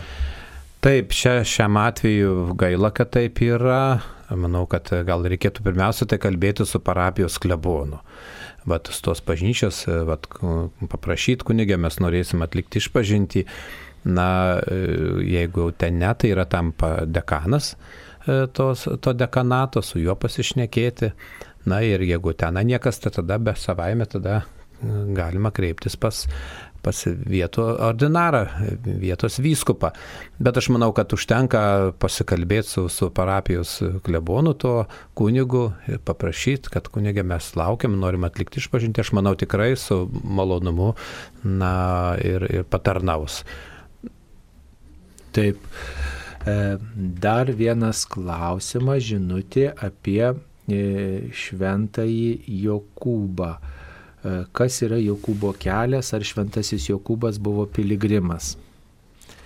Tai šventasis Jokūbas laikomas piligrimų globėjų, jisai vienas iš dvylikos apaštalų yra e, ir taip, kaip ir visi apaštalai keliavo ir, ir jis, apaštalas Jokūbas, e, nors jisai, reiškia, gimė, gimė Palestinoje, tačiau keliavo keliavo po įvairius kraštus, keldamas Evangeliją ir jo katedra yra, jo, jo relikvijos saugomos Santiago de Composteloje. E, tai yra, e, reiškia, Ispanijoje. Na va ir tas Jokūbo kelias, tai ir yra į šitą katedrą prie jo e, kapo, prie jo relikvijų. Tas kelias driekėsi per nuo Prancūzijos, yra įvairūs maršrutai ir tiesiog ne visi žmonės gali keliauti pėsčiomis ir, ir ten ir, ir yra kelia, galimybė ir dviračiais keliauti ir, ir visokiais kitokiais būdais yra ta, kas kelios atkarpos tam tikri nakvynės namai įsteigti, tai yra labai sena, viena seniausių piligrimystės tradicijų į tą vietą, į Santiago de Compostela, tačiau dabar jau kelių metai populiarėja tam tikros kitos kelionės, Jokūbo kelias populiarėja ir negalintiems vykti į tolimus kraštus. Štai pavyzdžiui, Lietuvoje yra keli Jokūbo kelio maršrutai, po bažnyčias, kurios mm, susijusios su Jokūbo titulu, o kartu aplankant ir kitas bažnyčias, kurios štai kurios tame maršrute pasitaiko. Taigi mm, galite daugiau informacijos mm, surasti, matydami E, reiškia prie bažnyčios štai tokį ženklą, kreuklę. Jis yra pritaisoma arba prie bažnyčios sienos, arba kai kur net matyti grindinį. Ir ten, reiškia, tas ženklas primena, kad ta bažnyčia įeina į Jokūbo kelio maršrutą. Tai,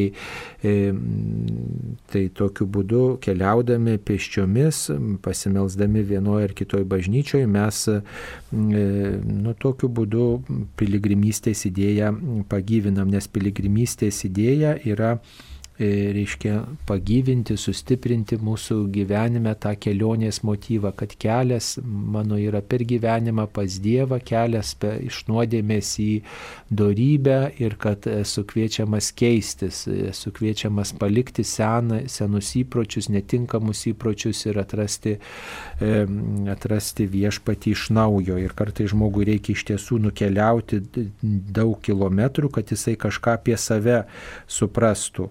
Taigi, na va, taip trumpai atsakytume. Jokūbo, apie Jokūbo kelią galima sužinoti netgi susisiekiant su Šventojo Jokūbo kelio draugų asociacija. Yra tokia nevyriausybinė organizacija ir jinai Lietuvoje taip pat veikia. E, yra internetinis puslapis SV Jokūbo kelias, vienas žodis be jokių taškų, .lt. Tai čia ir maršrutą galima surasti ir paskui dar yra internetinis puslapis www.jokūbokelias vienas žodis.eu.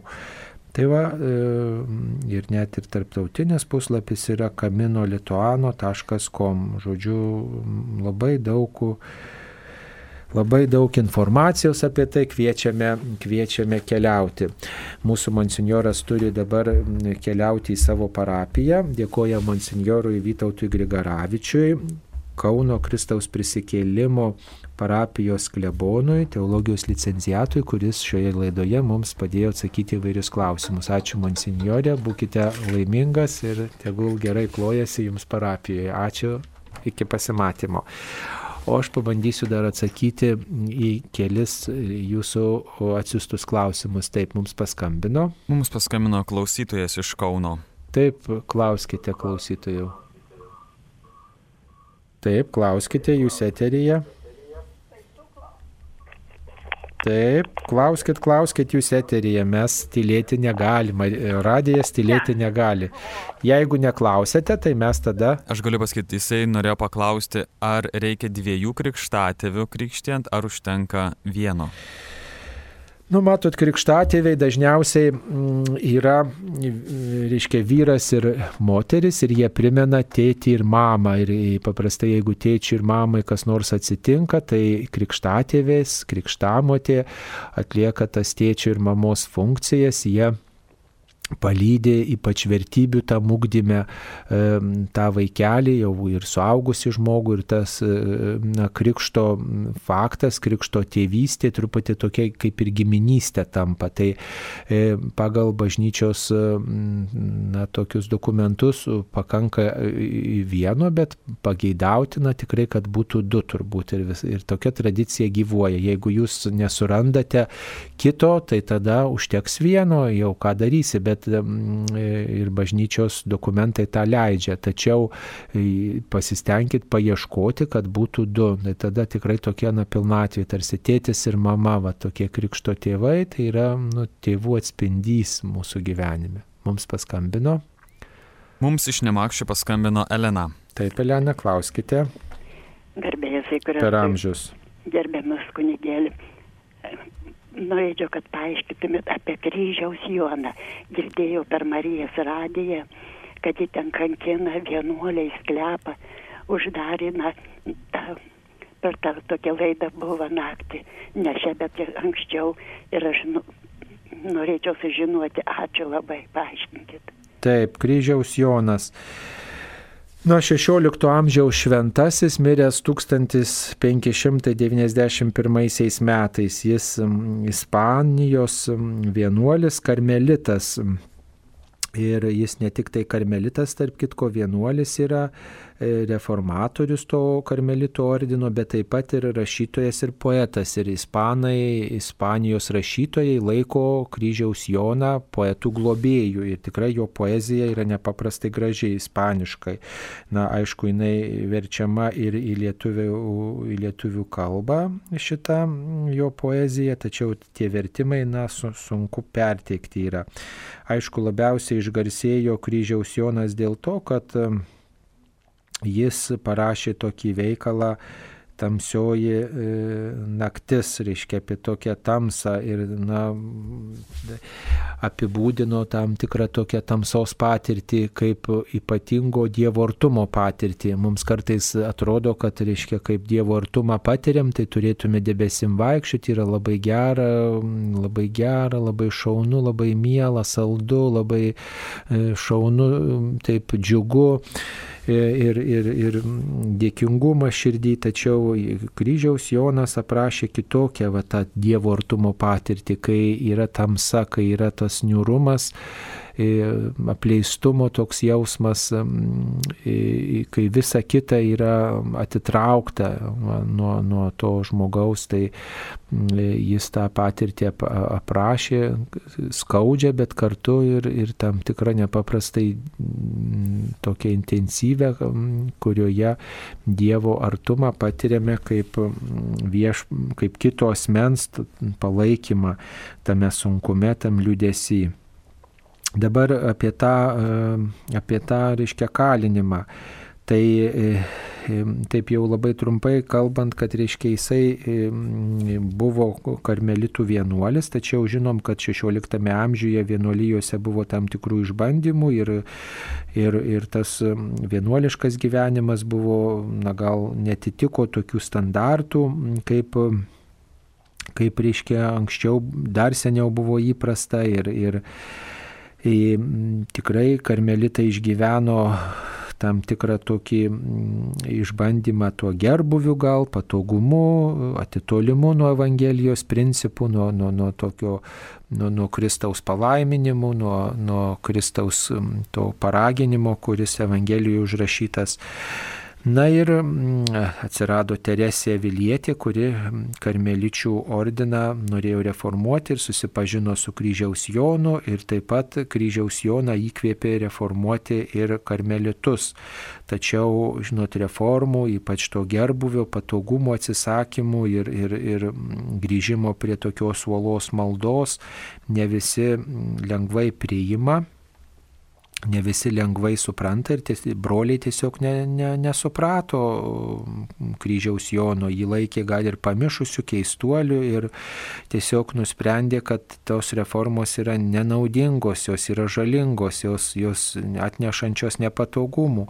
Ir tiesiog, na, jį pagavo, sučiupo ir įkalino, įkalino tokiuose sunkiuose sąlygose. Aišku, mums dabar atrodo tos sąlygos ten baisios, bet tuo, tuo metu vargingai gyveno daug visuomenės narių ir, ir kukliai gyveno, asketiškai gyveno, tai mm, dar gal netrodė taip labai baisu, kaip dabar mes žiūrim ir gretinam su šių laikų e, na, sąlygom. Tai, bet vis tiek tai buvo laisvės suvaržymas, tai buvo asketiškos gyvenimo būdas jam primestas ir, ir, ir, ir buvo, reiškia, apribotas jo veikimas, bet kaip tik tai tuo metu na, įkalinimo metu, vienuolinė įkalintas, jisai turėjo galimybę vis dėlto apmastyti ir turėti tas Dievo artumo patirtis ir parašyti, subrandinti tikrai nuostabius veikalus. Tai vat, jo istorija tai toks pavyzdys, kad net ir atrodo nuo brolių nukentėjo, nuo savų nukentėjo ir tai jam labai skaudu buvo, bet va, tas skausmas nu, nenugramzdino jo į neviltį, bet jo tikėjimas padėjo padėjo, žodžiu, ištverti ir, ir, ir tikrai viešpats apdovanojo ypatingomis mistinėmis patirtimis, ypatinga tikėjimo tokia įžvalga ir jisai, na, tai aprašė savo veikaluose ir, ir, ir poezijoje, ir, ir savo laiškuose, ir trumpiuose posakiuose, kurie net ir lietuviškai yra išleisti. Kitaip sakant, tas skausminga patirtis, kurią broliai jam suteikė, vis dėlto Dievo buvo panaudota kaip tam tikra, na, į gerą vedanti patirtis, kuri ir jį vėliau maitino, maitino vėliau jo brolius ir maitina dabar mus daugelį. Daugelis ir šiais laikais mėgsta skaityti kryžiaus Joną ir jo posakius, skaito, svarsto, prisimena, apmasto. Tai, na, viena vertus skaudu nukentėti, skaudu kentėti, skaudu, kai tave skriaudžia, bet kita vertus Dievas apdovanoja tuo metu ypatingą pagalbą.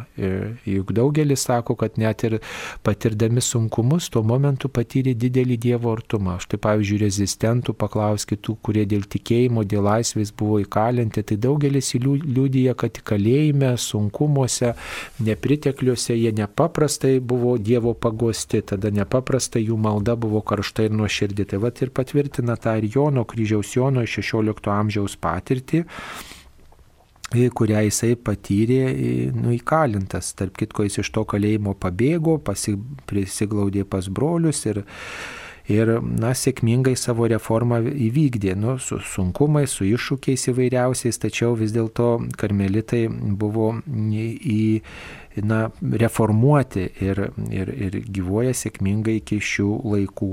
Na va, tai tokia trumpai istorija. Taip, e, tęsiam atsakymus į jūsų atsiųstas žinutės.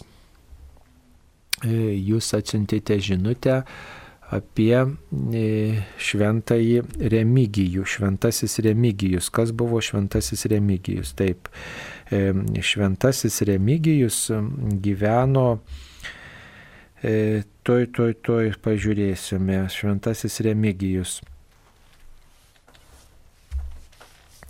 Taip, o dabar mums paskambino, taip. Paskambino Eugenija iš Molėtų. Taip, Eugenija, klauskite. Aš jai dabar. Taip, kalbėkite. Marijos radijų, tai manys duktės su, su šito, su žentu. Mani keikia, garbavoja, ką tu čia kiši pinigus, kam tinai reikalas, kam tau kas daryti. Anis nieką nenori, jam nereikia nei Dievą, nei jam nieką. Aš jai melžiuos namie dabar Marijos radijų ir šituo visų laikų vakarį, rytą, kaip atsijungiu, tai šį dienų visas mišes iš Taip, ko norėtumėt paklausti? Ką norėtumėt paklausti? Taip, gerai, ačiū, supratau jūs. Na tai gerai, aišku, gerai elgėtės, kad klausotės Marijos radijo, aišku, skaudu, kad jūsų artimieji to nesupranta, tos Marijos radijos reikšmės, na, labai nesibarkite su savo artimaisiais, o e, stenkitės kažkaip ieškoti sutarimo, gal kartais reikia ir patylėti, neatsakyti jų priekaištus, viską jūs turite teisę klausytis, jūsų namai turite teisę klausytis radijos, kuri jūs maitina, kuri jūs godžia, kuri jūsų tikėjimą stiprina. Jeigu galite, paremete, palaikote, ačiū Jums už tai, melžiamės už Jūs ir, ir, ir džiaugiamės, kad Jūs prisidedate prie Marijos radio gyvavimo. Aišku, artimiesiems tai gali ir nepatikti, bet jeigu jie nuo tikėjimo toli, nuo artimo meilės, nuo pagalbos kitiems toli, na, belieka tik tai jiems gerą linkėti, kad jie tikrai ir melstusi, ir stengtųsi stengtųsi gyventi taip, kaip viešpats, viešpats kviečia. Tai, tai visada tie konfliktai su artimaisiais yra be galo, be galo jie sunkus ir skaudus. E, taigi, taip trumpai atsakytume. E, dar turime skambutį, kasgi paskambino. Algima iš Kauno. Taip, klauskite. Garbėzui Kristui. Per amžius. Aš tai iš tikrųjų gerbiamas kunigė norėčiau Jums padėkoti iš tikrųjų už tokius nu, nuosekliai atsakytus atsakymus. Konkreči, konkrečius atsakymus, kur, kuriuos girdžiu nu, daugelį dienų per Marijos radiją. Tai vakar iš tikrųjų klausiau įrašą, buvo apie atlaidus, kur, kur tikrai kiekvienais metais važiuojame į tos atlaidus ir, ir į kelius atlaidus ir tikrų, tikrosios tos atlaidų prasmės kaip ir nežinojau. Tai vakar vakare klausiau, gal buvo jūsų įrašas, tai buvo nu, puikia informacija jūsų pateikta. Ir, ir šiaip už jūsų tą tokį atkaklų ir labai atsakingą darbą, kurį dirbate kiekvieną dieną, nes dažnai girdžiu jūs rožinio maldoje, tai aš jums linkiu daug sveikatos, to Taip. tokio užsidėgymo darbe. Ačiū Jums, ačiū Jums už... Jūs būtumėt sveikas, laimingas. Taip, ačiū Jums. Labai geros dienos. Ačiū Jums, ačiū visiems klausytojams, kurie palydite mūsų visų misiją, mūsų tarnystę. E, dabar e, noriu atsakyti į klausimą apie šventąjį remigijų. Šventasis remigijus čia pradėjome ir ir nebaigėme. Taigi šventasis e, Remigijus, šešto amžiaus šventasis, miręs 530 metais ir jisai yra tas apaštalas, kuris, nu ne apaštalas, kaip čia pasakyti, Kristaus žinios nešėjas, kuris nešė E, nešė e, žinę į Prancūziją, į prancūzakalbius kraštus. Ir aišku, kiekvienas, kuris neša krikščionišką žinę, yra apaštalų tarnystės dalininkas tam tikrą prasme nors griežtąją prasme paštalų buvo 12, mm, kuriuos Jėzus pašaukė. Taigi šventasis Remigijus, 6 amžiaus šventasis gyvenęs 5-6 amžiaus sandūroje, e, nešė žinę e, prancūzams ir jis buvo išrinktas dar būdamas pasauliečių vyskupu. E, nes matyt jo pamokslavimas, jo, jo, jo tas krikščioniškas susidėgymas, gal ne pamokslavimas, tas krikščioniško žinios kleidimas buvo labai paveikus. Ir tuomet vyskupus rinkdavo Dievo tauta. Ir jis išgarsėjo, į istoriją įėjo dėl to, kad jis pat, pakrikštijo prancūzų karalių. Ir tiesiog, mm, galima sakyti, per jo užtarimą įvyko net ir stebuklai keli. Ir mm, jis išmeldė mm, karališko šeimos e, įpėdiniui pagyjimo. Ir dėl jo užtarimo net ir kovos buvo laimėtos, e, net ir kai kurios kovos prieš vokiečius berots buvo priskiriamos šventojo Remigijaus užtarimui ir globai. Ir jo toks vienas posakis, kuris įėjo į istoriją, yra apie tai, e, reiškia, na, prikišta skirta tam, kuris degino krikščioniškus ženklus. Pagarbink tai, ką degindavai ir sudegink tai, ką garbindavai. Na, e, apie tai, kad reiškia reikia mums atmesti galbūt netinkamus stabus ir pasirinkti tai, ką tą tikrą krikščionišką tikėjimą, tikrą Dievą, kurį mes buvome atmetę. E, na va, tai jisai gerbiamas Prancūzijoje, ypatingai su juo siejama dar ir įvairių stebuklų. Ir taip pat šventasis Remigijus gerbiamas ir Anglijoje. Lietuvoje žinomas tik tai jo vardas, o kultas nėra išplitęs. Taip, mums paskambino. Birutė, birutė iš Vilnius. Taip, birutė, klauskite. Gerbėjai, Jėzai. Per amžius. Aš jau sena bobutė ir visą gyvenimą man, nu ne visą gyvenimą, o dabar jau kai turiu laiko, vis e, ir bažnyčioje, ir, ir per Marijos radiją visą laiką klausausi, vis meliskimės už pašaukimus. Taip. Tai vad man dabar niekaip ne, nežinau, gal jau aš nebenutuoti nieko. Už kunigai taip, vienuoliai taip reikalingi, bet ką gero duoda vienuolės? Aš jų nematau patarnaujant, nei val- dažnai tenka būti senelių namuose, ligoninėse. Niekur nematau, kad jos ką nors patarnautų. Aš nežinau, ką jos veikia. Taip, supratau. Na, va, labai gražus klausimas. Tai, e, na, pabandysim į šitą klausimą atsakyti jums, mėla klausytoja ir mėly klausytojai, per ateinantį Marijos radio laidų sezoną, nes Planuojam tokią laidą, e, naują laidą.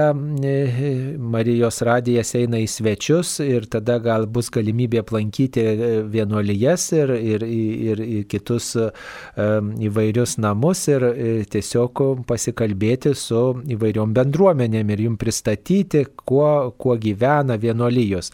Trumpai aš jums dabar atsakysiu, kad paprastai moterų vienuolijos skirstomos į tokias dvi sritis - kontemplatyvios ir apaštalinės. Kontemplatyvios tos, kurios atsiduoda maldai, Dievo garbinimui ir ypatingai e, e, pagal savo tokią charizmą, pagal įkūrėjo valią. Tai e, yra karmelitės ir ži- žinomos karmelitės paštuvoje, čia prie Kauno ir taip pat tokios yra Jonitės, Švento Jono seserys kontemplatyvios Vilniuje ir taip pat yra paparčiuose esančios Betlėjaus seserys, tai va tokios žinomiausios e, tarp Vilniaus ir Kauno maždaug e, paparčių, prie paparčių kaimelio.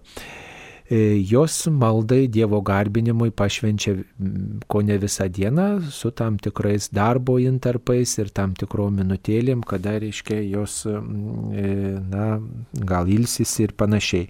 Apaštalaujančios seserys taip pat jos skiria laiko maldai, gal ne tiek kiek kontemplatyvios seserys ir jos paprastai, e, na, skiria laiką tam tikrai veiklai. Dažnai dirba prie parapijų, dažnai dirba su įvairiom grupelėmis, dažnai dirba e, įvairiose institucijose bažnytinėse, o taip pat ir mokyklose dirba, e, dėsto ir tikybą, ir kitus dalykus. E, Ir savo gyvenimo būdu liūdija sekimą Kristumi. E, Dirba e, įvairius darbus, e, jos e, įsipareigoja pagal savo vienuolyno charizmą. Mm, Va. Daugelis tų seserų yra vyresnio amžiaus ir tikrai, na, galima sakyti, vienuolijos yra bažnyčios plaučiai, jeigu taip galima sakyti, nes jos nepaprastai daug meldžiasi seserys ir jų tas gyvenimo būdas, sėkimas neturtingų, skaiščių ir klusnių Kristumi yra ženklas bažnyčiai pačiai ir kartu pasauliui, kad jos yra savo gyvenimą pašventę kaip Kristaus sužadėtinės ir jos yra tos, kurios rodo į pasišventimą, rodo į, į maldą, rodo į tokią dvasinę motinystę. Daugelis tų seserų tikrai yra palydėtojos mamos, dvasinės mamos e, daugeliu žmonių. E, Prie tų vienuolijų paprastai bureliai žmonių būrėsi, kurie domisi tos vienuolijos dvasingumu ir bendrauja ir, ir, ir rengia įvairias ir grupelės, ir maldos vakarus. Ir tikrai tos seserys yra perkrautos darbu, ypač tos veiklios, darbščios vidutinio amžiaus, o daugelis iš tų seserų yra vyresnio amžiaus, tai dėl to gal jūs jų ir daug ir nematote. Tai aišku, čia Lietuvoje yra didžiulis iššūkis, kad mes, ir aišku, ir visam pasauliu, kad mes tokojam vienuolių seserų, kurios būtų tais plaučiais, kurios būtų tom liudytojom, kad štai gyvenimas neapsiriboja tik tai veikla, bet e, ir tuo maldos keliu, maldos būdu, sekimu Kristumi ir na, galimybę būti dvasinė mama tokia. Priklausant bendruomeniai, nes e, mamos pasirodo šeimos labai sunkiai išleidžia dukras į vienuolynus ir paprastai nemato tokios prasmės, o čia yra prasmė užtarti žmonės, lydėti, lydėti žmonės, lydėti bažnyčią malda ir būti ta dvasinė mama tokia. Daugelis yra žmonių, kurie stokoja, kurių santykiai sužeisti su mama, stokoja tokių autentiškų ryšių ir, ir ta dvasinė motinystė, jinai didelė pagalba šeimoms ir daugeliu žmonių, tikrai, kas bendrauja su vienuolėm, seserim, tikrai tą motinystę atpažįsta, daug patarimų gauna, kaip iš mamos, kaip iš sesers. E, ir, ir seseris atlieka ir dvasios vadovo neretai funkciją, pataria, tarpininkauja žmonėms, kurie gal nedrįsta, nenori, nemoka e, kreiptis, negali kreiptis į kunigą arba nu, nepatiria iš kunigo dvasios tėvo, tai vad dvasios dvasios mamos funkcijas neretai atlieka tos seserys, kai sako, nerandu dvasios tėvo, bet e, galimybė yra surasti dvasios motiną pas seserys. Tai ta, tas veiklos, veiklos tos rytis yra labai plačios ir tikrai reikia melstis, kad pašaukimų, ypač į vienuolijas, nepristiktų. Tiek suspėjome atsakyti šioje laidoje. Nuoširdžiai dėkojam visiems kurie skambino, kurie siuntė žinutės. Šioje laidoje jūsų klausimus atsakinėjo Kauno Kristaus prisikėlimo parapijos klebonas, monsinjoras, teologijos licenciatas Vytautas Grigaravičius ir aš kunigas Saulis Bužauskas. Būkite palaiminti ir patirkite viešpaties artumą. Sudė.